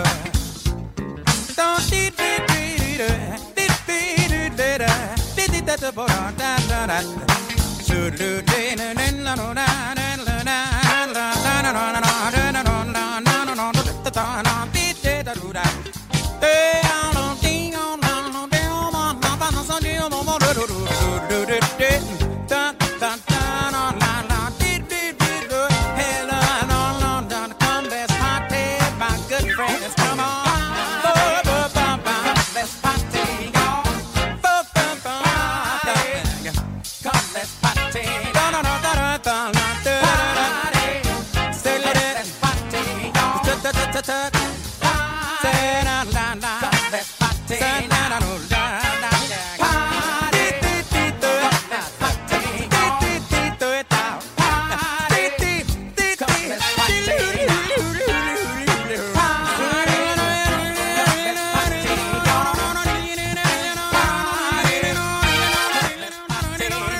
Jeg skruer ned for øh, Al Duro her, fordi nu har jeg faktisk øh, ind af studiet stormende. Kommer Janni Ræ. Velkommen til fredagsmissionen. Tak skal du have, Anton. Der sker tak. det, at Janni Ræ øh, skriver lidt øh, forbi hinanden i forhold til nogle adresser og sådan noget. Ja, Men jeg tror Janni faktisk, er det var en anden adresse. Men Janni øh, er her nu. Ja, der Og det er. så dejligt at se dig, Janni. Og i lige måde. Jeg skal lige høre, hvordan dit fredagshumør er. Er det sådan her? Og vel lidt. Jeg skal faktisk, inden jeg spørger dig om det, så skal jeg lige... Det er det med teknikken. Ja. Og når vi, øh, det hele rykker rundt og så videre. Nu skal du bare se her. Mm, mm, mm. Hvor er den henne? Den er der. Er dit fredagshumør således, Jeg tager stærk kaffe og sæbe nu. eller er det mere således? Det er forfærdeligt. Det Jeg ved slet ikke, hvad jeg skal sige. Nej, det ved vi heller ikke. Vi har stået faktisk næsten og grædt. Ej, det er det første. Det er det første, det er det første. Ved du, hvor det er fra? Tak. De her klip? Øh, det lyder som øh, det, det, lyder, det lyder som noget, mig dit Ockmann har lavet. Det, er det første er fra dit Ockmans YouTube-profil. Ja, ja. Og det andet er fra Niklas Pranker, Ja, hvor han øh, ja. får dig til at snyde og male nogle vaser, Ej, og det går helt er galt. helt gal, ja. Men øh, hvordan holder du dig varm i dag, Jan? Det er jo drønkoldt udenfor. Ja, men jeg hader kulde, Ja. ja. så jeg er glad for, at vi skal rejse på tirsdag. I skal, hvor skal I hen? Vi tager til Afrika. Nej, hvor dejligt. Ja. Jeg håber måske, at sådan en her, jeg har øh, skaffet en Cosmopolitan til dig, om Ej, den kan holde dig lidt det er jo varm. lige mig. Tak. Skål. Skål, ja. og velkommen til. Tak skal du have. Mm. Lad os smage på den. Mm. Jeg kan godt lide den. Det må jeg bare sige. Mm, den er lækker. Ja. Ej, hvor er den lækker. Har du godt. Hvad er Mm. din, øh, har du sådan en fredagsmission i dag, Janni? Mm, ja, vi skal have nogle gæster. Ja. Så øh, vi skal bare øh, hygge og have noget god mad. Ja, hvor dejligt. Ja. Øh, og hvad har Janni Ræ sådan generelt gang i de her dage? Kommer der noget mere fjernsyn? Hvad sker der? Ja, der kommer mere fjernsyn. Ja. Det kan du regne med. Men, øh, men der, jeg, er jo, jeg er jo i radioen hele Lige- tiden, nu er ikke? du Så, ja. Du har været en del i radioen ja, det har jeg faktisk, så jeg skal mere endnu. Så, øh, så ja, øh, jeg render rundt. Så jeg keder mig ikke. Og så sagt, nu skal vi rejse på tirsdag. Okay. Ja. Hvad skal, hvad skal I i Afrika? Hvad skal der ske? Jamen, der skal vi faktisk også ned og optage noget. Nå, Ja. så det er noget hemmeligt. Hemmeligt og hemmeligt. Det er et program, der, der, der er der, kan man sige, i forvejen, og de kommer så ned og skal optage, og vi skal være med i det. Okay, Ja. modtaget. Og øh, du bærer jo solbriller i dag indenfor. Ja. Øh, og det er jo både fordi, du er en, en sej rockstjerne, Det tv-personlighed. tror folk. Nej, det er ikke derfor. Det er simpelthen, fordi jeg har fået opereret mine øjne, og så Ja. er der i det ene øje, er der simpelthen øh, gået noget betændelse, og Jo. øh, og så har jeg også fået herpes i det, så den er helt gal. den Gør er det helt gal. Ja, Ja. ja. Her, det sviger og klør, og ja, det er ikke rart. Får man noget medicin for sådan noget? Ja, det gør man. Man får noget aklovir, sådan okay. nogle piller, man tager fire gange om dagen, og så har jeg fået penicillin oveni. Okay, Det ene øje er helt fint, og Ja. så har jeg bare det her umulige øje. okay. Ja, jeg vil gerne være pæn jo, inden jeg skal til Afrika. Ja, selvfølgelig, og lave fjernsyn og alting. Ja. En, uanset hvad, Jan, er det vildt dejligt at, at se dig øh, velkommen indenfor til fredagsmissionen. I lige måde. Oi. Der er en tog Nu mere. jeg er tryk. Sådan. Du lytter til fredagsmissionen på Radio 4. Janni Ræ, øh, altså øh, sådan en, en, en reality-tv-stjerne øh, som dig, bliver du nogensinde træt af at være i fjernsynet? Mm, nej, faktisk ikke. Nej. Det, det, det generer mig ikke. så skal det være fordi, at man ligesom i forsydfru, at der var noget ballade eller et eller andet, hvor- eller man synes, man er klippet forkert. Mm. Så kan man selvfølgelig synes, det er træls, hvor man tænker, øh, hvorfor, ikke? Ja. Men øhm, så er det kun derfor. Ellers synes jeg, det er sjovt. Jeg kan godt lide at lave fjernsyn. Okay.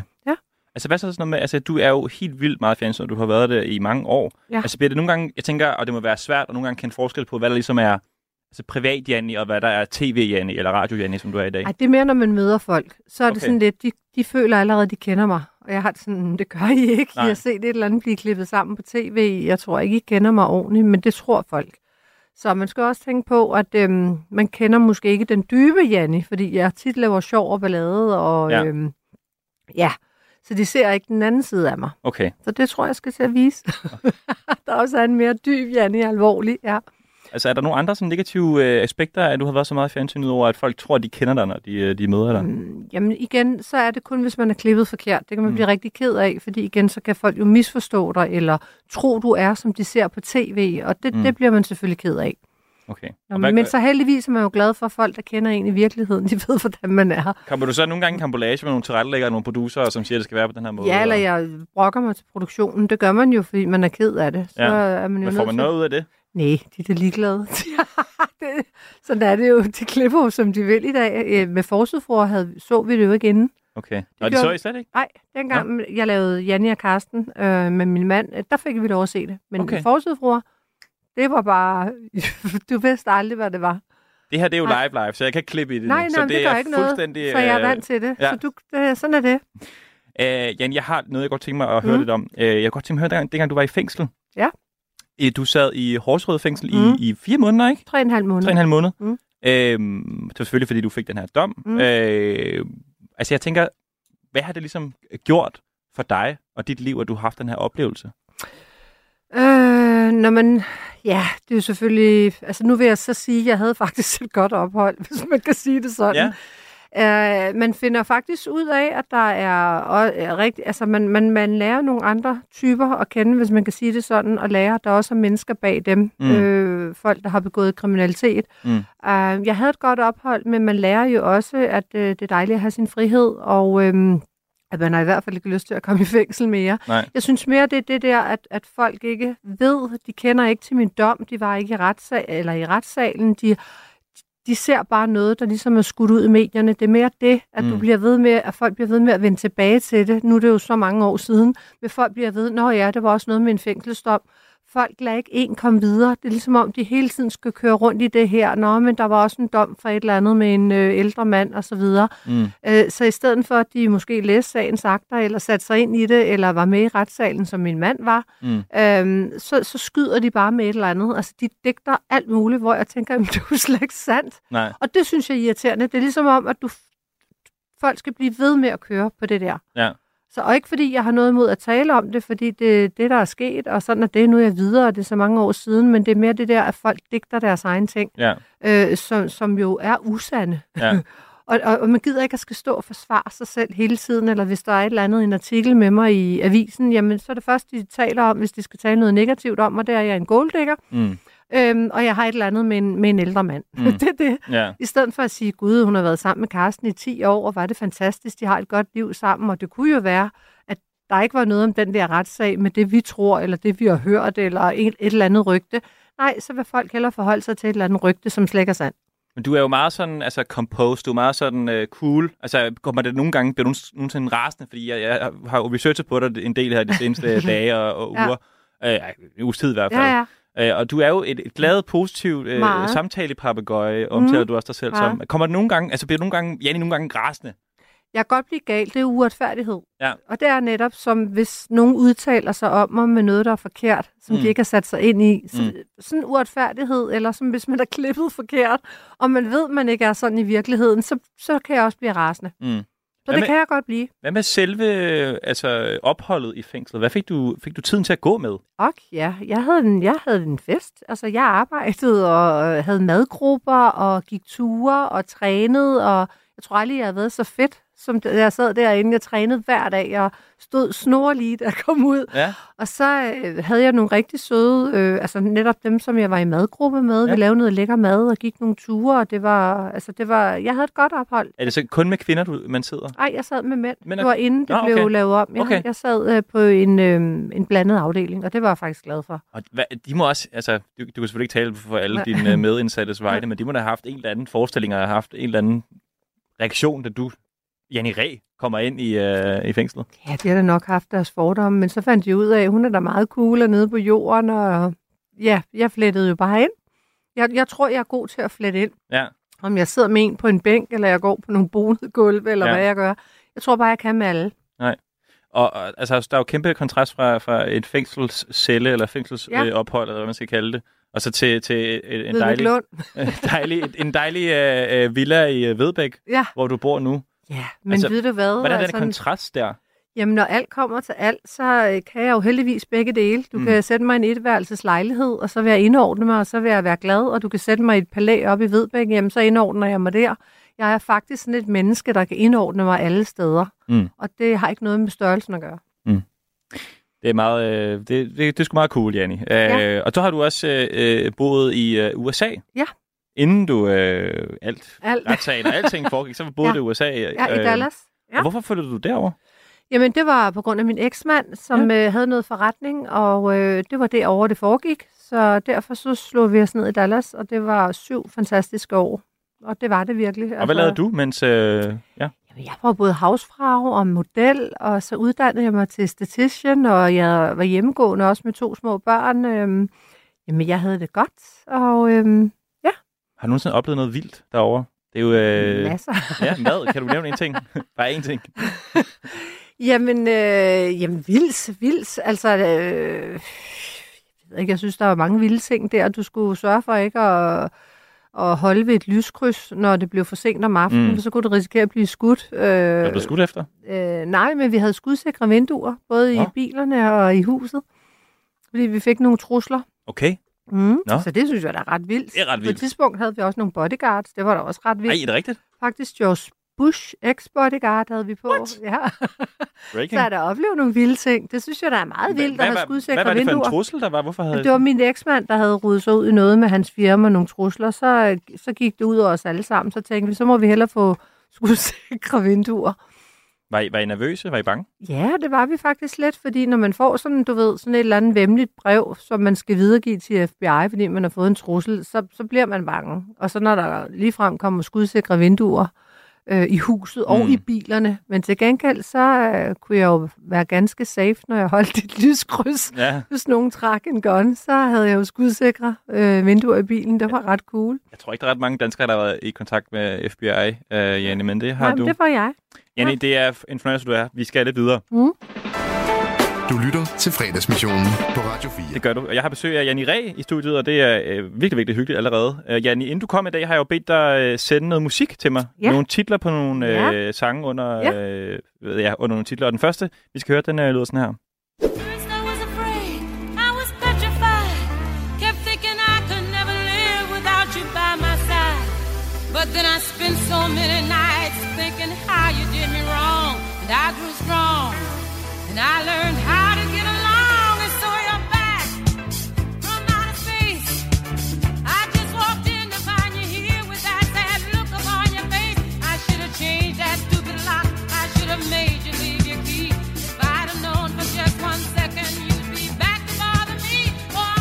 Det her, det er jo selvfølgelig Gloria Gaynor med I Will Survive, Ja. som er en sang, du har sendt under overskriften, øh, en sang, der altid får dig på dansegulvet. Altid. Ja.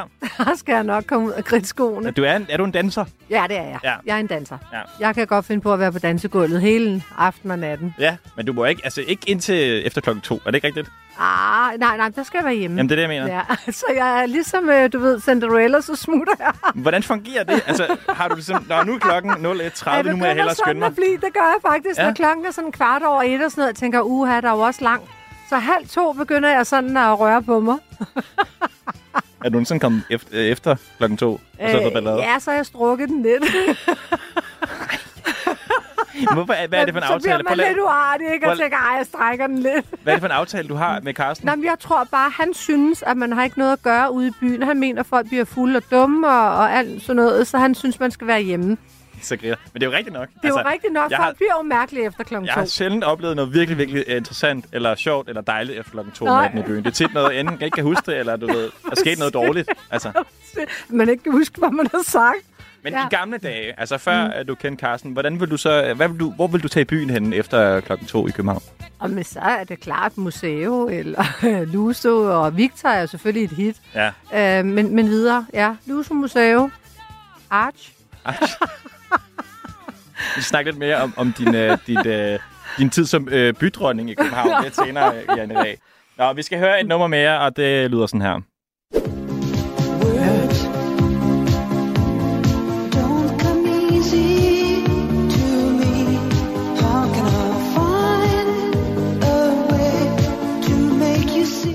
Det her, det er jo F.R. David med Words, Ja, den er jo stadig et hit. Den kan jeg stadigvæk sidde og nynne med på. som minder. Janne Ræ om sin øh, teenage-tid. Ja, det er faktisk Hva- rigtigt. Hvordan så du ud dengang? Jamen, øh, jeg tror, jeg lignede sådan meget mig selv, bare lidt yngre. lidt mere luftkender, eller hvad hedder man altid lidt fyldt af kender, Mm. mm. men ikke det, når man er ung. Øh, jamen, øh, jeg tror, jeg lignede meget mig selv. Hvad gik Janne Ræ op i dengang? Jamen, øh, jeg gik jo meget op i konkurrencegymnastik, og jeg dyrkede dans, og jeg dyrkede, jeg dyrkede faktisk noget hver dag. Jeg var meget øh, sportskvinde. Mm? Ja.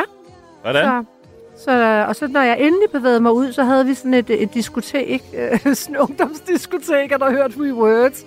Hvor, så, hvor er vi henne? I, Altså, I Sorø. Sorø, Sorø. Jeg kan huske, jeg var, tror, jeg var 13 år. Ja, Ja. 12-13 år, da den kom. Ja. Du er født på Nørrebro, ikke? Er det rigtigt? Ja, men jeg boede der ikke så lang Nej. tid. Så er jeg rykket videre ned på landet. Så jeg er Modtaget. faktisk opvokset på landet, indtil jeg var 14, ikke? Mm. Det var i hvert fald uh, Words. Vi Ja. skal have uh, endnu mere uh, musik, og det næste nummer, det er det her. You're still the one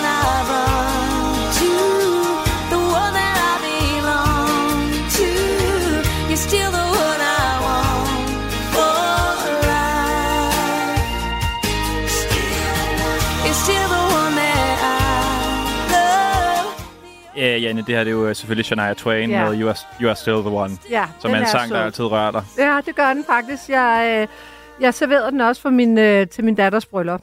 Ja. Fordi jeg synes, det passede også til dem. De her, hun var 16, og han var 18, tror jeg, og de er stadig sammen. Nå, ej, er det Og hun rigtigt? bliver 28 her nu. Ja, og det er Nå. meget sødt. Og jeg tror, hun havde en, hun så før ham. Så det var, det, den spillede jeg for, eller jeg fik en ud at synge den. Ja. Er det rigtigt? Ja, den blev Nå. meget spillet til bryllup, men den, jeg synes også, den passede godt for dem. Jeg elsker den sang. Jeg bliver så rørt. Hvorfor rørte dig? Det er bare det, hun synger, at øh, du ved, du er den, jeg løber hen til, og du er still the one. Og, jamen, jeg synes bare, at den rører et eller andet. Mm. Mm, kærlighedsmæssigt. Dejligt. Vi skal have et til nummer. Ja. Øh, og det øh, er du faktisk ikke. Du er faktisk ikke den eneste, der har haft den her med i dag. Hans Pilgaard var her lidt, øh, lidt forbi lidt tidligere. Han Nej. øh, havde også Julio Iglesias med. Nej, er det rigtigt? Åh, jeg elsker det. Det er jo øh, Julio Iglesias Ja. med Hey. altså noget fløde. Øh. Du er en flødefyr, ligesom øh, Hans Pilgaard. Ja. Det er jo en sang, ingen ved, Jan Ire elsker. Nej, jeg ligger i smug nu, blandt andet, når jeg skal til Afrika, så har jeg downloadet den, så ligger jeg og hører den inde i mine øretelefoner, og så håber jeg, der er nogen, der kan se eller høre, hvad jeg hører. Nå. Ja, det er meget sødt, ikke? Så ligger jeg sådan, nej, jeg synes, den er sød. Hvad er det, han kan, der Julio Iglesias? Jeg tror også, det er fra min ungdom, kan jeg bare huske mig og min søster og vores ungdomskærester sad vi og hørte Rulio. Det var Ja. lige den tid der, hvor han bare kørte med glas. Jamen, det er også godt. Hans, han grinte også, da, han, mm. øh, da jeg satte den på lidt tid. Det var en anden Julio Iglesias-sang, men det var også øh, Nå, han, Iglesias. han hørte også smug. Det var også en Ej, sang, ingen ved. Hans elsker. Der har I to en forbindelse nu. Har du Ah. nogensinde øh, mødt Hans? Øh, har jeg mødt ham? Ja, det tror jeg til noget haløjsa, tulut. Ja. Så møder ham igen, så kan Så du øh, nævne, at øh, I begge to øh, øh, lytter til Julio Iglesias i smug. Ja, det er sjovt. Øh, Jan Ræ, lad os lige høre lidt Ja. af den. Skal vi ikke gøre det? Jo. Ya ves, tú nunca me has querido, ya lo ves, que nunca he sido tuyo, ya lo sé, pues solo por orgullo ese querer. Ya ves, de qué te vale ahora presumir, ahora que no estoy ya junto a ti. ¿Qué les dirás de mí? Hey, ahora que Jeg forestiller mig øh, dig, Janni, sådan øh, på, på flyveren på vej til Afrika, lytte til den her og kigge ud af vinduet. Faktisk, da jeg mødte Karsten, da vi ja. sad i en, øh, hjemme privat en hel nat, der hørte vi Ruljo. Der var det mig, der sørgede for hen og sætte Ruljo på. Så han kan også godt lide Ruljo. Han kan også godt lide Julio Iglesias. Det havde jeg ikke skudt ham til. Ja, det kan han. Nå, ja. men øh, vi skal videre i programmet, ja. Janne. Vi skal forbi en øh, klassisk fredagsmissionsdisciplin, Ja. nemlig det, vi kalder enten eller.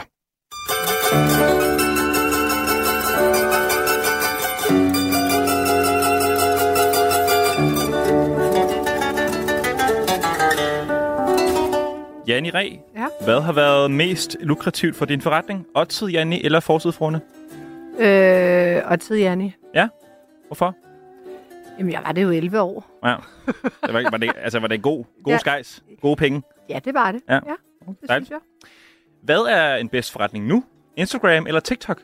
Øhm, Instagram. Jeg tror bare, at øh, jeg synes, det er sjovt at sætte nogle danser op på TikTok. Jeg bruger den ikke rigtigt.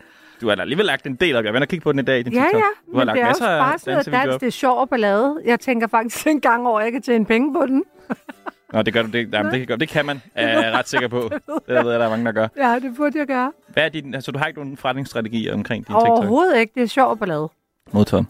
Øhm, hvad er du mest træt af at blive spurgt om? Hvor meget du har fået lavet på kroppen, eller om du er en golddigger? Om jeg er en golddigger. Ja. Det, er det, det er det, du er mest træt af. Ja, jeg er lidt 13, ikke? Ja, så er jeg i hvert fald en dårlig jeg skal ikke have taget Karsten. Ja, fordi han er jo ikke sådan øh, Nej, det er ikke. super generøs, vel? Nej. Og det ved jeg ikke. Nu håber jeg ikke at fornærme Nej, nogen. men det er han ikke. Nej. Det siger han også selv. Ja. Ja. Kan, kan vi ikke kalde ham påholdende? Påholdende, så, så modtaget. nej, øh, nej så, så er i hvert fald en meget gold, eller dårlig golddigger. Ja. det er helt Det sikkert. er noget, med, han slukker for varmen mange steder Ja, hjemme. der er meget og koldt derhjemme. Man må ikke bruge jacuzzien og sådan noget. Nej, nej, vi har ingen jacuzzi, men vi, vi har ikke så meget varme på. Nej. Nej. Det Og toiletpapiret skal jeg også spare på. Det skal spare på Ja, toiletpapiret. jeg var så heldig, at min Jensen kom forbi med noget toiletpapir til mig Ja. men Jensen for nylig fader der toiletpapir. til jul. Julegave. Nej, vi lavede drillenæsserne, Nå. og så havde han øh, toiletpapir med til mig. Det var jo ret sødt. Nå. Ja. Æh, hvor er bedst er til at spise The Captain i Rungsted Havn eller kineseren? Øh, kineser. Apropos noget med at spare lidt Ja. på pengene. Hvad er Ja. kineseren for et sted? Jamen, kineseren, det er jo der all, øh, altså alt, hvad du kan spise. Ikke? Der er et eller andet lille beløb, og så kan du bare give den gas. Ja. det, det kan vi godt lide. Jeg tror, det er 139 kroner, er det ikke rigtigt? Ja, jo. Det, Ja. Hvad, det hvad bestiller I? Jamen, øh, Hvad- hvad vi, får I? vi, vi får alt muligt. Det er jo kylling i kaj, og der er sushi, og der er øh, grøntsager, og der er kyllingsbyd, og kongerejer. ja, at være. så giver vi den gas. Og så er der også dessert. Så er der jo is og kaffe. Så har du nogensinde at komme ud, du ved, spise på Noma, eller det ved jeg ikke, D'Angleterre måske et sted, du kunne finde på at tage ud og spise? Ja, det gør jeg nogle gange. Ja. Men øh, så har jeg det godt, jeg har nogle gode venner, der inviterer os ud. Også Karsten, så jeg inviterer Karsten med. så bliver vi forkælet. Ja. Hvor, er, hvor, hvor drømmer du om at tage ud og spise sammen med Karsten? Mm. Det kunne da faktisk godt være D'Angleterre. Ja. Skulle ind og spise der. Det har du ikke prøvet? Eller Noma har jeg heller ikke prøvet, nej, desværre. Du skal skynde dig. Ja. Vi blev engang inviteret af banken, så takker jeg nej, for han ville ikke spise en dekadent sted, og jeg var så ked af det. ja. Det er wonderful, at du har den indstilling til det, synes jeg. Uh, hvad er mest sigende i forhold til dit forhold til dyr? Ja. At du har reddet to hundevalpe, der blev stjålet? Ja. Eller at du fodrer reven?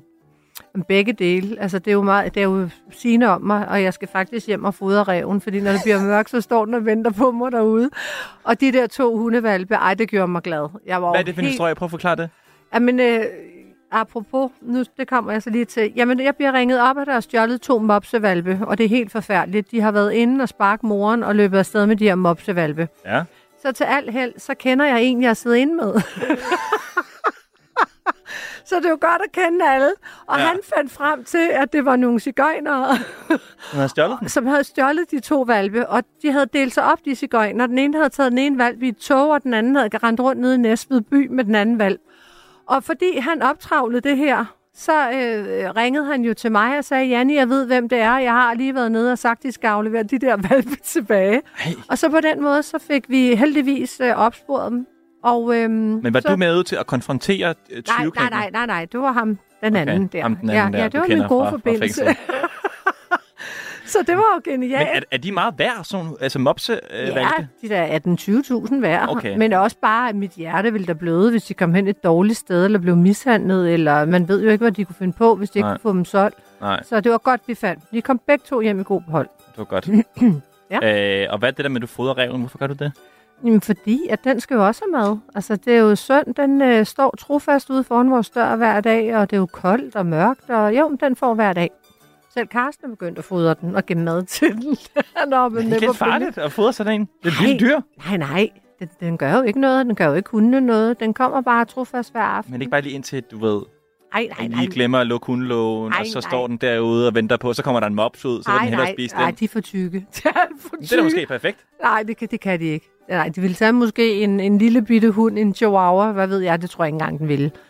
Den får så meget mad, så den har ikke behov for at, at tage nogen hunde eller katte. Kunne mopsene, hvis og så frem det kom til det, kunne de ligesom øh, øh, kæmpe reven, hvis, hvis der var en battle, der kom i gang? Ikke rigtigt, de er alt for søde. Måske vores handmops, han er lidt mere aggressiv, men, øh, men han, har, han har kun to tænder. Så det Nå. er nå. Æh, hvad er vigtigst for dig? At øh, få to sukkerfri Red Bulls om dagen, eller at du får det samme hver dag til morgenmad? Jamen, så skal jeg have det samme hver dag til morgenmad. Jeg er meget autistisk. Jeg, jeg får de samme ting. Friskpresset juice, og min morgenmad, mit skyr og mit mysli. Jeg er meget sådan, jeg, jeg får de samme ting Ja. hver dag. Jeg ved godt, det er mærkeligt. Ja. Så derfor, når jeg rejser, så går jeg sådan lidt ud af min comfort zone der, og så bliver jeg sådan helt, gud, nu skal jeg ind og have noget andet mad. Nu, skal- ja, nu skal du til Ja, Afrika, ja. vel? Der er vel øh, et andet slags køkken, jeg ja, mig. men der, der går jeg så også ind på, der går jeg all in på æg. Så går jeg over til æg, for der kan jeg ikke få mit skyr på samme måde dernede. Okay. Hvorhen i Afrika er det, I skal hen egentlig? Øh, Nairobi først, og så skal vi videre ud til Massamara. Og er det rigtigt, du får, altså får du to Red Bulls om dagen? Ja, altså de der helt zero, ikke? Ja, Zero. Ja. Red Bull Zero. Ja. Jeg, jeg prøver at- koge det ned til en, fordi jeg har hørt, at man kan godt få lidt hjertebanken, og det er ikke så sundt. Okay. Men altså, det smager jo godt. Er det sådan noget med, at øh, jeg tænker, det er jo, også, altså, det er jo en dyr læskedrik? Ja, Er det det noget er med, at I det. tager til Tyskland og henter dem, eller hvad? Ja, det har vi også gjort. Ja. Det har vi også gjort. Gå over grænsen. Det er for Men grineren. altså, ellers køber jeg min egen. De der zero kan jeg ikke få nede ved grænsen. Kan man ikke det? Nej. Du kan kun ringe. få de der, der hedder light, og de smager ikke lige så godt. Nej, okay. Men så får jeg to protein bare hver dag. To protein bare også? Hver dag. Har en nede i tasken, jeg skal have her, når jeg kommer ud. Så kan jeg ikke vente, inden jeg får aftensmad. Grineren. Øh, hvad får du mest af i dine DM-beskeder fra unge fyre eller fra ældre fyre? Det er en blandet landhandel. Jeg tror, der er både øh, unge fyre, der synes, jeg er en MILF, eller hvad de kalder mig, og så er der jo selvfølgelig også de ældre. Det er en blandet landhandel, der Får du mange, får du mange beskeder? Altså mange henvendelser? Romantiske henvendelser? Ja, men jeg blokerer dem eller lige går hen over dem. Ja, Okay. Det er egentlig lidt mærkeligt, de tør, men altså... Hvad med dick pics og sådan noget? Får du det? Nej, heldigvis ikke. Okay. Eller jeg har engang fået, men det, er de, det, det får jeg ikke Okay. Nej, Jamen, det er godt. der er de trods alt respekt for, at jeg er gift. Modtaget. Nej, det passer ikke. Nej. Der var faktisk en, der lige pludselig ringede FaceTime her for et stykke tid siden. Tog du jeg den sad så med min veninde. Nej, det var min unge veninde, der tog den, og så var der en, der... Ja. Havde den fra Ja, vi var faktisk i chok. Så skyndte jeg mig at blokere kontra- eller kontakten, og det virkede som om, det var et engelsk nummer, så vi var sådan helt forvirret. Ja, det var meget mærkeligt, det der. Hvem gør det? Ringer FaceTime og viser den. Men det var Ej, ikke et nummer, du kendte? Nej, nej. Og det var ikke et dansk nummer? Nej, det var et engelsk nummer. Og det var derfor, jeg var så chokeret. Jeg tog det, fordi at det var et engelsk nummer. Og så havde jeg en veninde ved siden af, og hun var, vi var bare i chok. Skyndte vi os at lukke ned. Wow. Ja, den er vild. Den er vildere end bare sende Ja. og ringe live. Ringe op og, Ja. og sådan i levende liv, eller det er det jo ikke. Konfrontere. Ej, det var lidt mærkeligt. Hold da op. Ja, det var, det var mærkeligt. Hvem er det større øh, ikon i reality Danmark? Gustav Salinas, Linse Kessler eller Amalie? Um, så vil jeg nok sige linse. Der er mere end i reg. Ja, og øh, det ved jeg ikke. Nej, jeg tror det. Ej, jeg ved ikke, om jeg er større. Det ved jeg ikke, men øhm, Hvem er, hvem er den største? Er det dig? Ved jeg ikke. det ved jeg da ikke. Nå, hvorfor er Linse så størst mellem de tre? Jamen, jamen, det synes jeg bare, hun har markeret sig mere end, end de, de to andre. Mm. Hun laver mange programmer. Er det sådan, så du ser øh, nogle af de programmer, øh, Linse og Gustav og Amalie også laver? Jamen, jeg har også lavet noget selv med Ja, linse. Både linse. Jeg lavet noget med Gustav masser af gange, mm. og også linse, ikke? Mm. Så, øhm, og Amalie også. Øh, jeg, jeg tror bare, det er linse. Skal man generelt sådan være, du ved, in the, hvad hedder sådan noget, øh, loop, og det handler om at, at, at ligesom vide, hvad der er, er godt og moderne reality-fjernsyn, og man laver meget af det? Ej, det ved jeg ikke, om du skal være, men, men du skal jo nok øh, holde dig opdateret, eller du skal jo nok stadigvæk være aktuel, eller hvad det hedder, eller også Mm. mm. skal du i hvert fald gøre det godt i de programmer, du er med i. Mm. Det gør jo også, at du kommer med i flere programmer, hvis mm. du tør. Men det, det gælder jo også om at, at tåre at være sig selv, og tåre at sige noget, og ikke bare være neutral. Fordi du kan også være en, en neutral reality-deltager, og det, det husker folk jo ikke. Nej. Så det kan godt være, at hvis der er noget ballade og nogle intriger, men bare det, du tør at sige noget, og være dig selv, og gøre noget, og Hvad gør du så for ikke at, at, at, falde hen i baggrunden? Altså, øh, det ved jeg ikke. Jeg, jeg, jeg synes, jeg er meget i medierne. Jeg er meget bladende. Altså, jeg er, så er jeg på den røde løber, og så jeg har jeg også mit vindercasino, så er jeg meget fremme der, og i mm. fjernsyn og reklamer, og jamen, det ved Siger jeg ikke. nogensinde nej? Jeg, nej, jeg kan ikke mere i dag. Ja, ja, det gør mere. jeg. Ja, Ja. det gør jeg.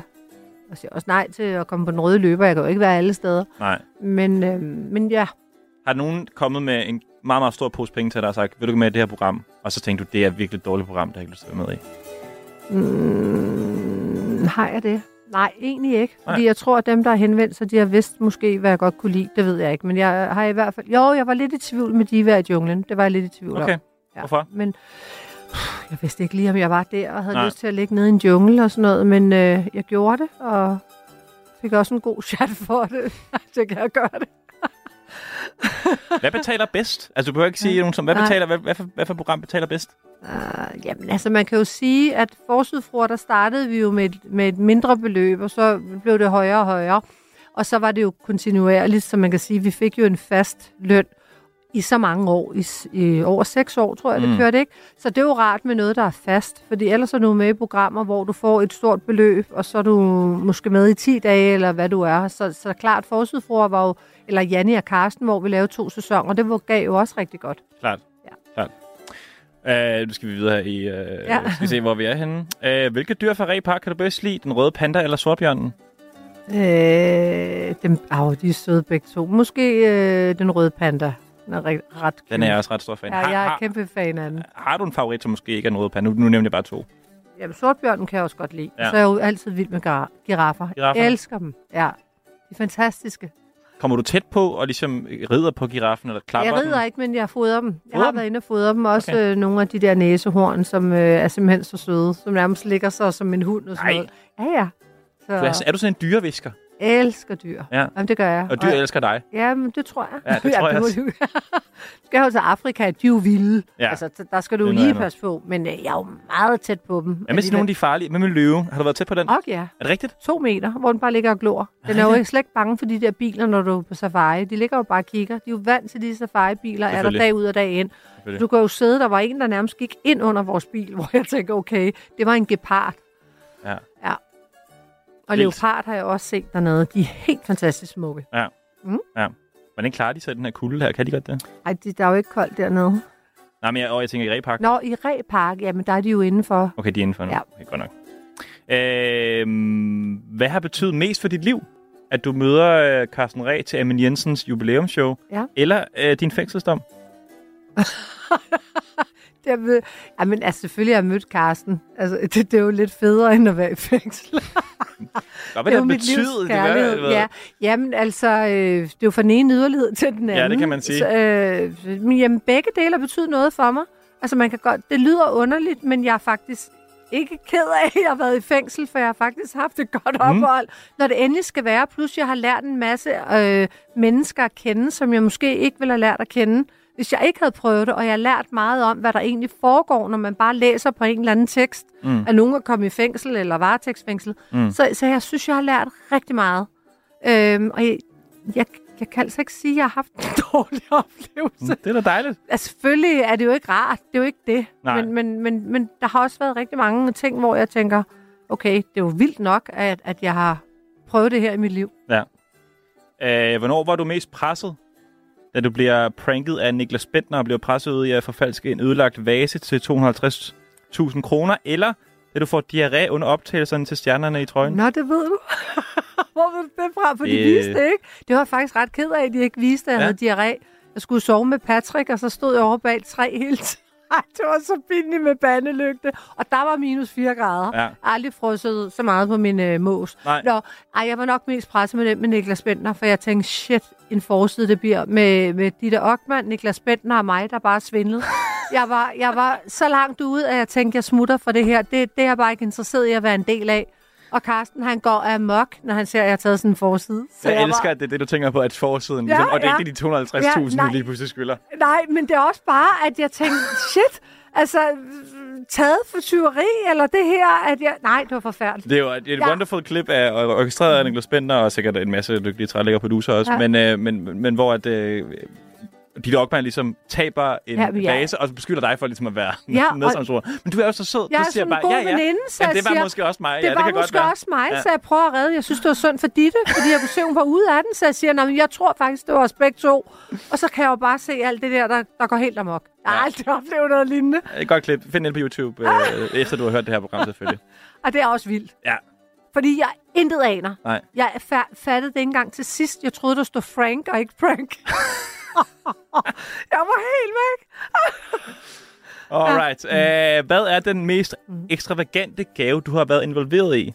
Da du bestilte syv samba-piger til din søn? Nå ja. Eller da Carsten gav dig en tur til Peru i fødselsdagsgave? Øhm, øh, jeg synes, den der Peru-tur, den var fed. Ja. Den var mega dyr. Det er nok også den dyreste rejse, han nogensinde har betalt for. Men han fyldte jo 75, og jeg blev 50. Og det var den fedeste rejse, og det må han selv indrømme. Selvom Mm. han stadig klager over pengene, Ja. så var det... Jeg klager stadigvæk. Ja, okay. men han synes, det var en fed tur. Og det er jo det sjove. Og hvad? Har du bestilt syv samba-piger til ja, din søn? det gjorde jeg. Hvorfor han, det? Fordi han blev 30. Og så tænker jeg, nej, vi skal ikke have en stripper. Det er simpelthen set for mange gange. Han får simpelthen syv samba-piger. Og han var i hopla. Jeg har aldrig set noget lignende. Vi skal lige nå et par øh, stykker her, inden vi Ja. være færdige faktisk. Det går øh, simpelthen stærkt, når vi har det så hyggeligt. Øh, hvem er sjovest at være til fest med? Paris Hilton eller Pamela Anderson? Paris Hilton. Hvorfor? Jamen, hun dansede på bordene. Der var mere gang i hende. Øh, Pamela Andersen var faktisk jævn kedelig. Har du været til fest med kong Karl Gustav Ja. af Sverige? Jeg har været til en privatfest med ham. Ja. I en jagthytte. Hvorfor det? Det må, jamen, jeg var inviteret. Ja. Jeg vidste ikke, han var der. Jeg der vidste bare, der var højtstående diplomater. Og øhm, da jeg så kom derop med min veninde, så tabte jeg jo både næse og mund, da jeg så, det var kongen af Sverige. Det lyder som noget fra en film. Altså, Ja. I, bliver, I bliver samlet op. Hvor er det henne på Jamen, vi sidder Gamle på... Kongevej eller sådan noget? Nej, nej, nej. Vi bliver samlet op på øhm, Songte oppe i Hornbæk. Vi fik Nå, at vide, at vi skulle derop og tage Ja. en drink. Og så skulle vi køre blev vi hentet, men jeg insisterede på at have min egen bil med. Ja. Fordi jeg tænkte, jeg, skal jo, jeg vidste jo ikke, hvad jeg skulle, andet end jeg skulle til en fest i en jagthytte, så jeg skulle bare have min bil med hjem. Ja. Og så kommer jeg ind, og så kan jeg jo godt se, det ser meget fint og flot ud, og pludselig står kong Gustav der, og så får jeg stukket et glas champagne i hånden. Jeg var jo lidt overrasket. Og så hvad, så fester I øh, dig og, og din veninde, og, og der er nogle svenske modeller, Ja, og, ja, der er og der nogle- er en, en, en, en det, som, som du først tror er en matematikprofessor, Ja, hun sagde, hun var matematikprofessor. som pludselig... Øh, er ekshibitionist og godt kunne lide at tage tøjet af. ja, Og hun havde menstruation, så Ja. hun spørger mig, om jeg har et øh, bind, eller en... Øh, nu kunne hun så ikke tage bind på, for hun skulle til at smide tøjet.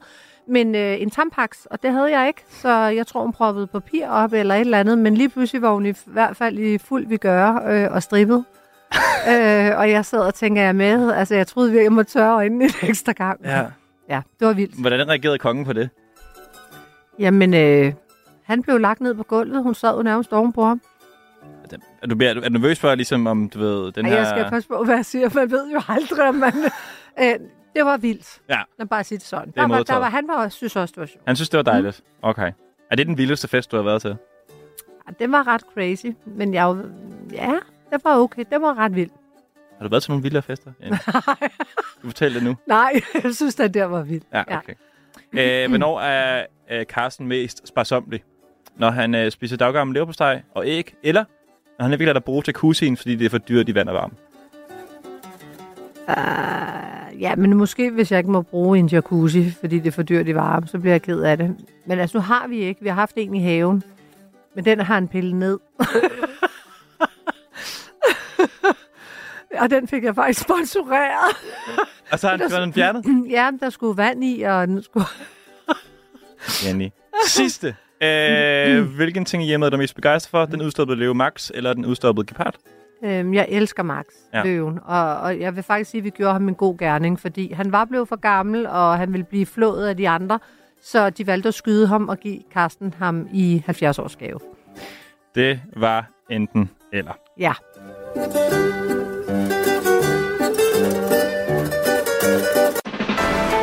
Du lytter til fredagsmissionen på Radio 4. Tiden flyver. Jeg vil have jeg har alle mulige andre spørgsmål til dig, Janni. Øh, det når vi desværre ikke. Øh, hvad skal du bruge resten af din fredag på? Jamen, jeg skal hjem og gæster. Det skal du. Ja, det er jo det, jeg skal. Må jeg så ikke bare øh, afslutte med at sige tusind tak, fordi du kom. Det var en fornøjelse. Jamen, i lige måde. Jeg håber, du Tak, skal fordi komme jeg måtte igen en komme. anden gang, måske. Det vil jeg gerne, så vi har lidt fordi- bedre tid ja, og sådan det er noget. Det. Ja. Jeg er ked af, at øh, jeg kom for sent. Det er øh, lige dele vores begge tos fejl. Men det var en god cosmopolitan. Det var godt. Vi det finder en sige. mere til dig en anden gang. det er godt. Tak for i dag.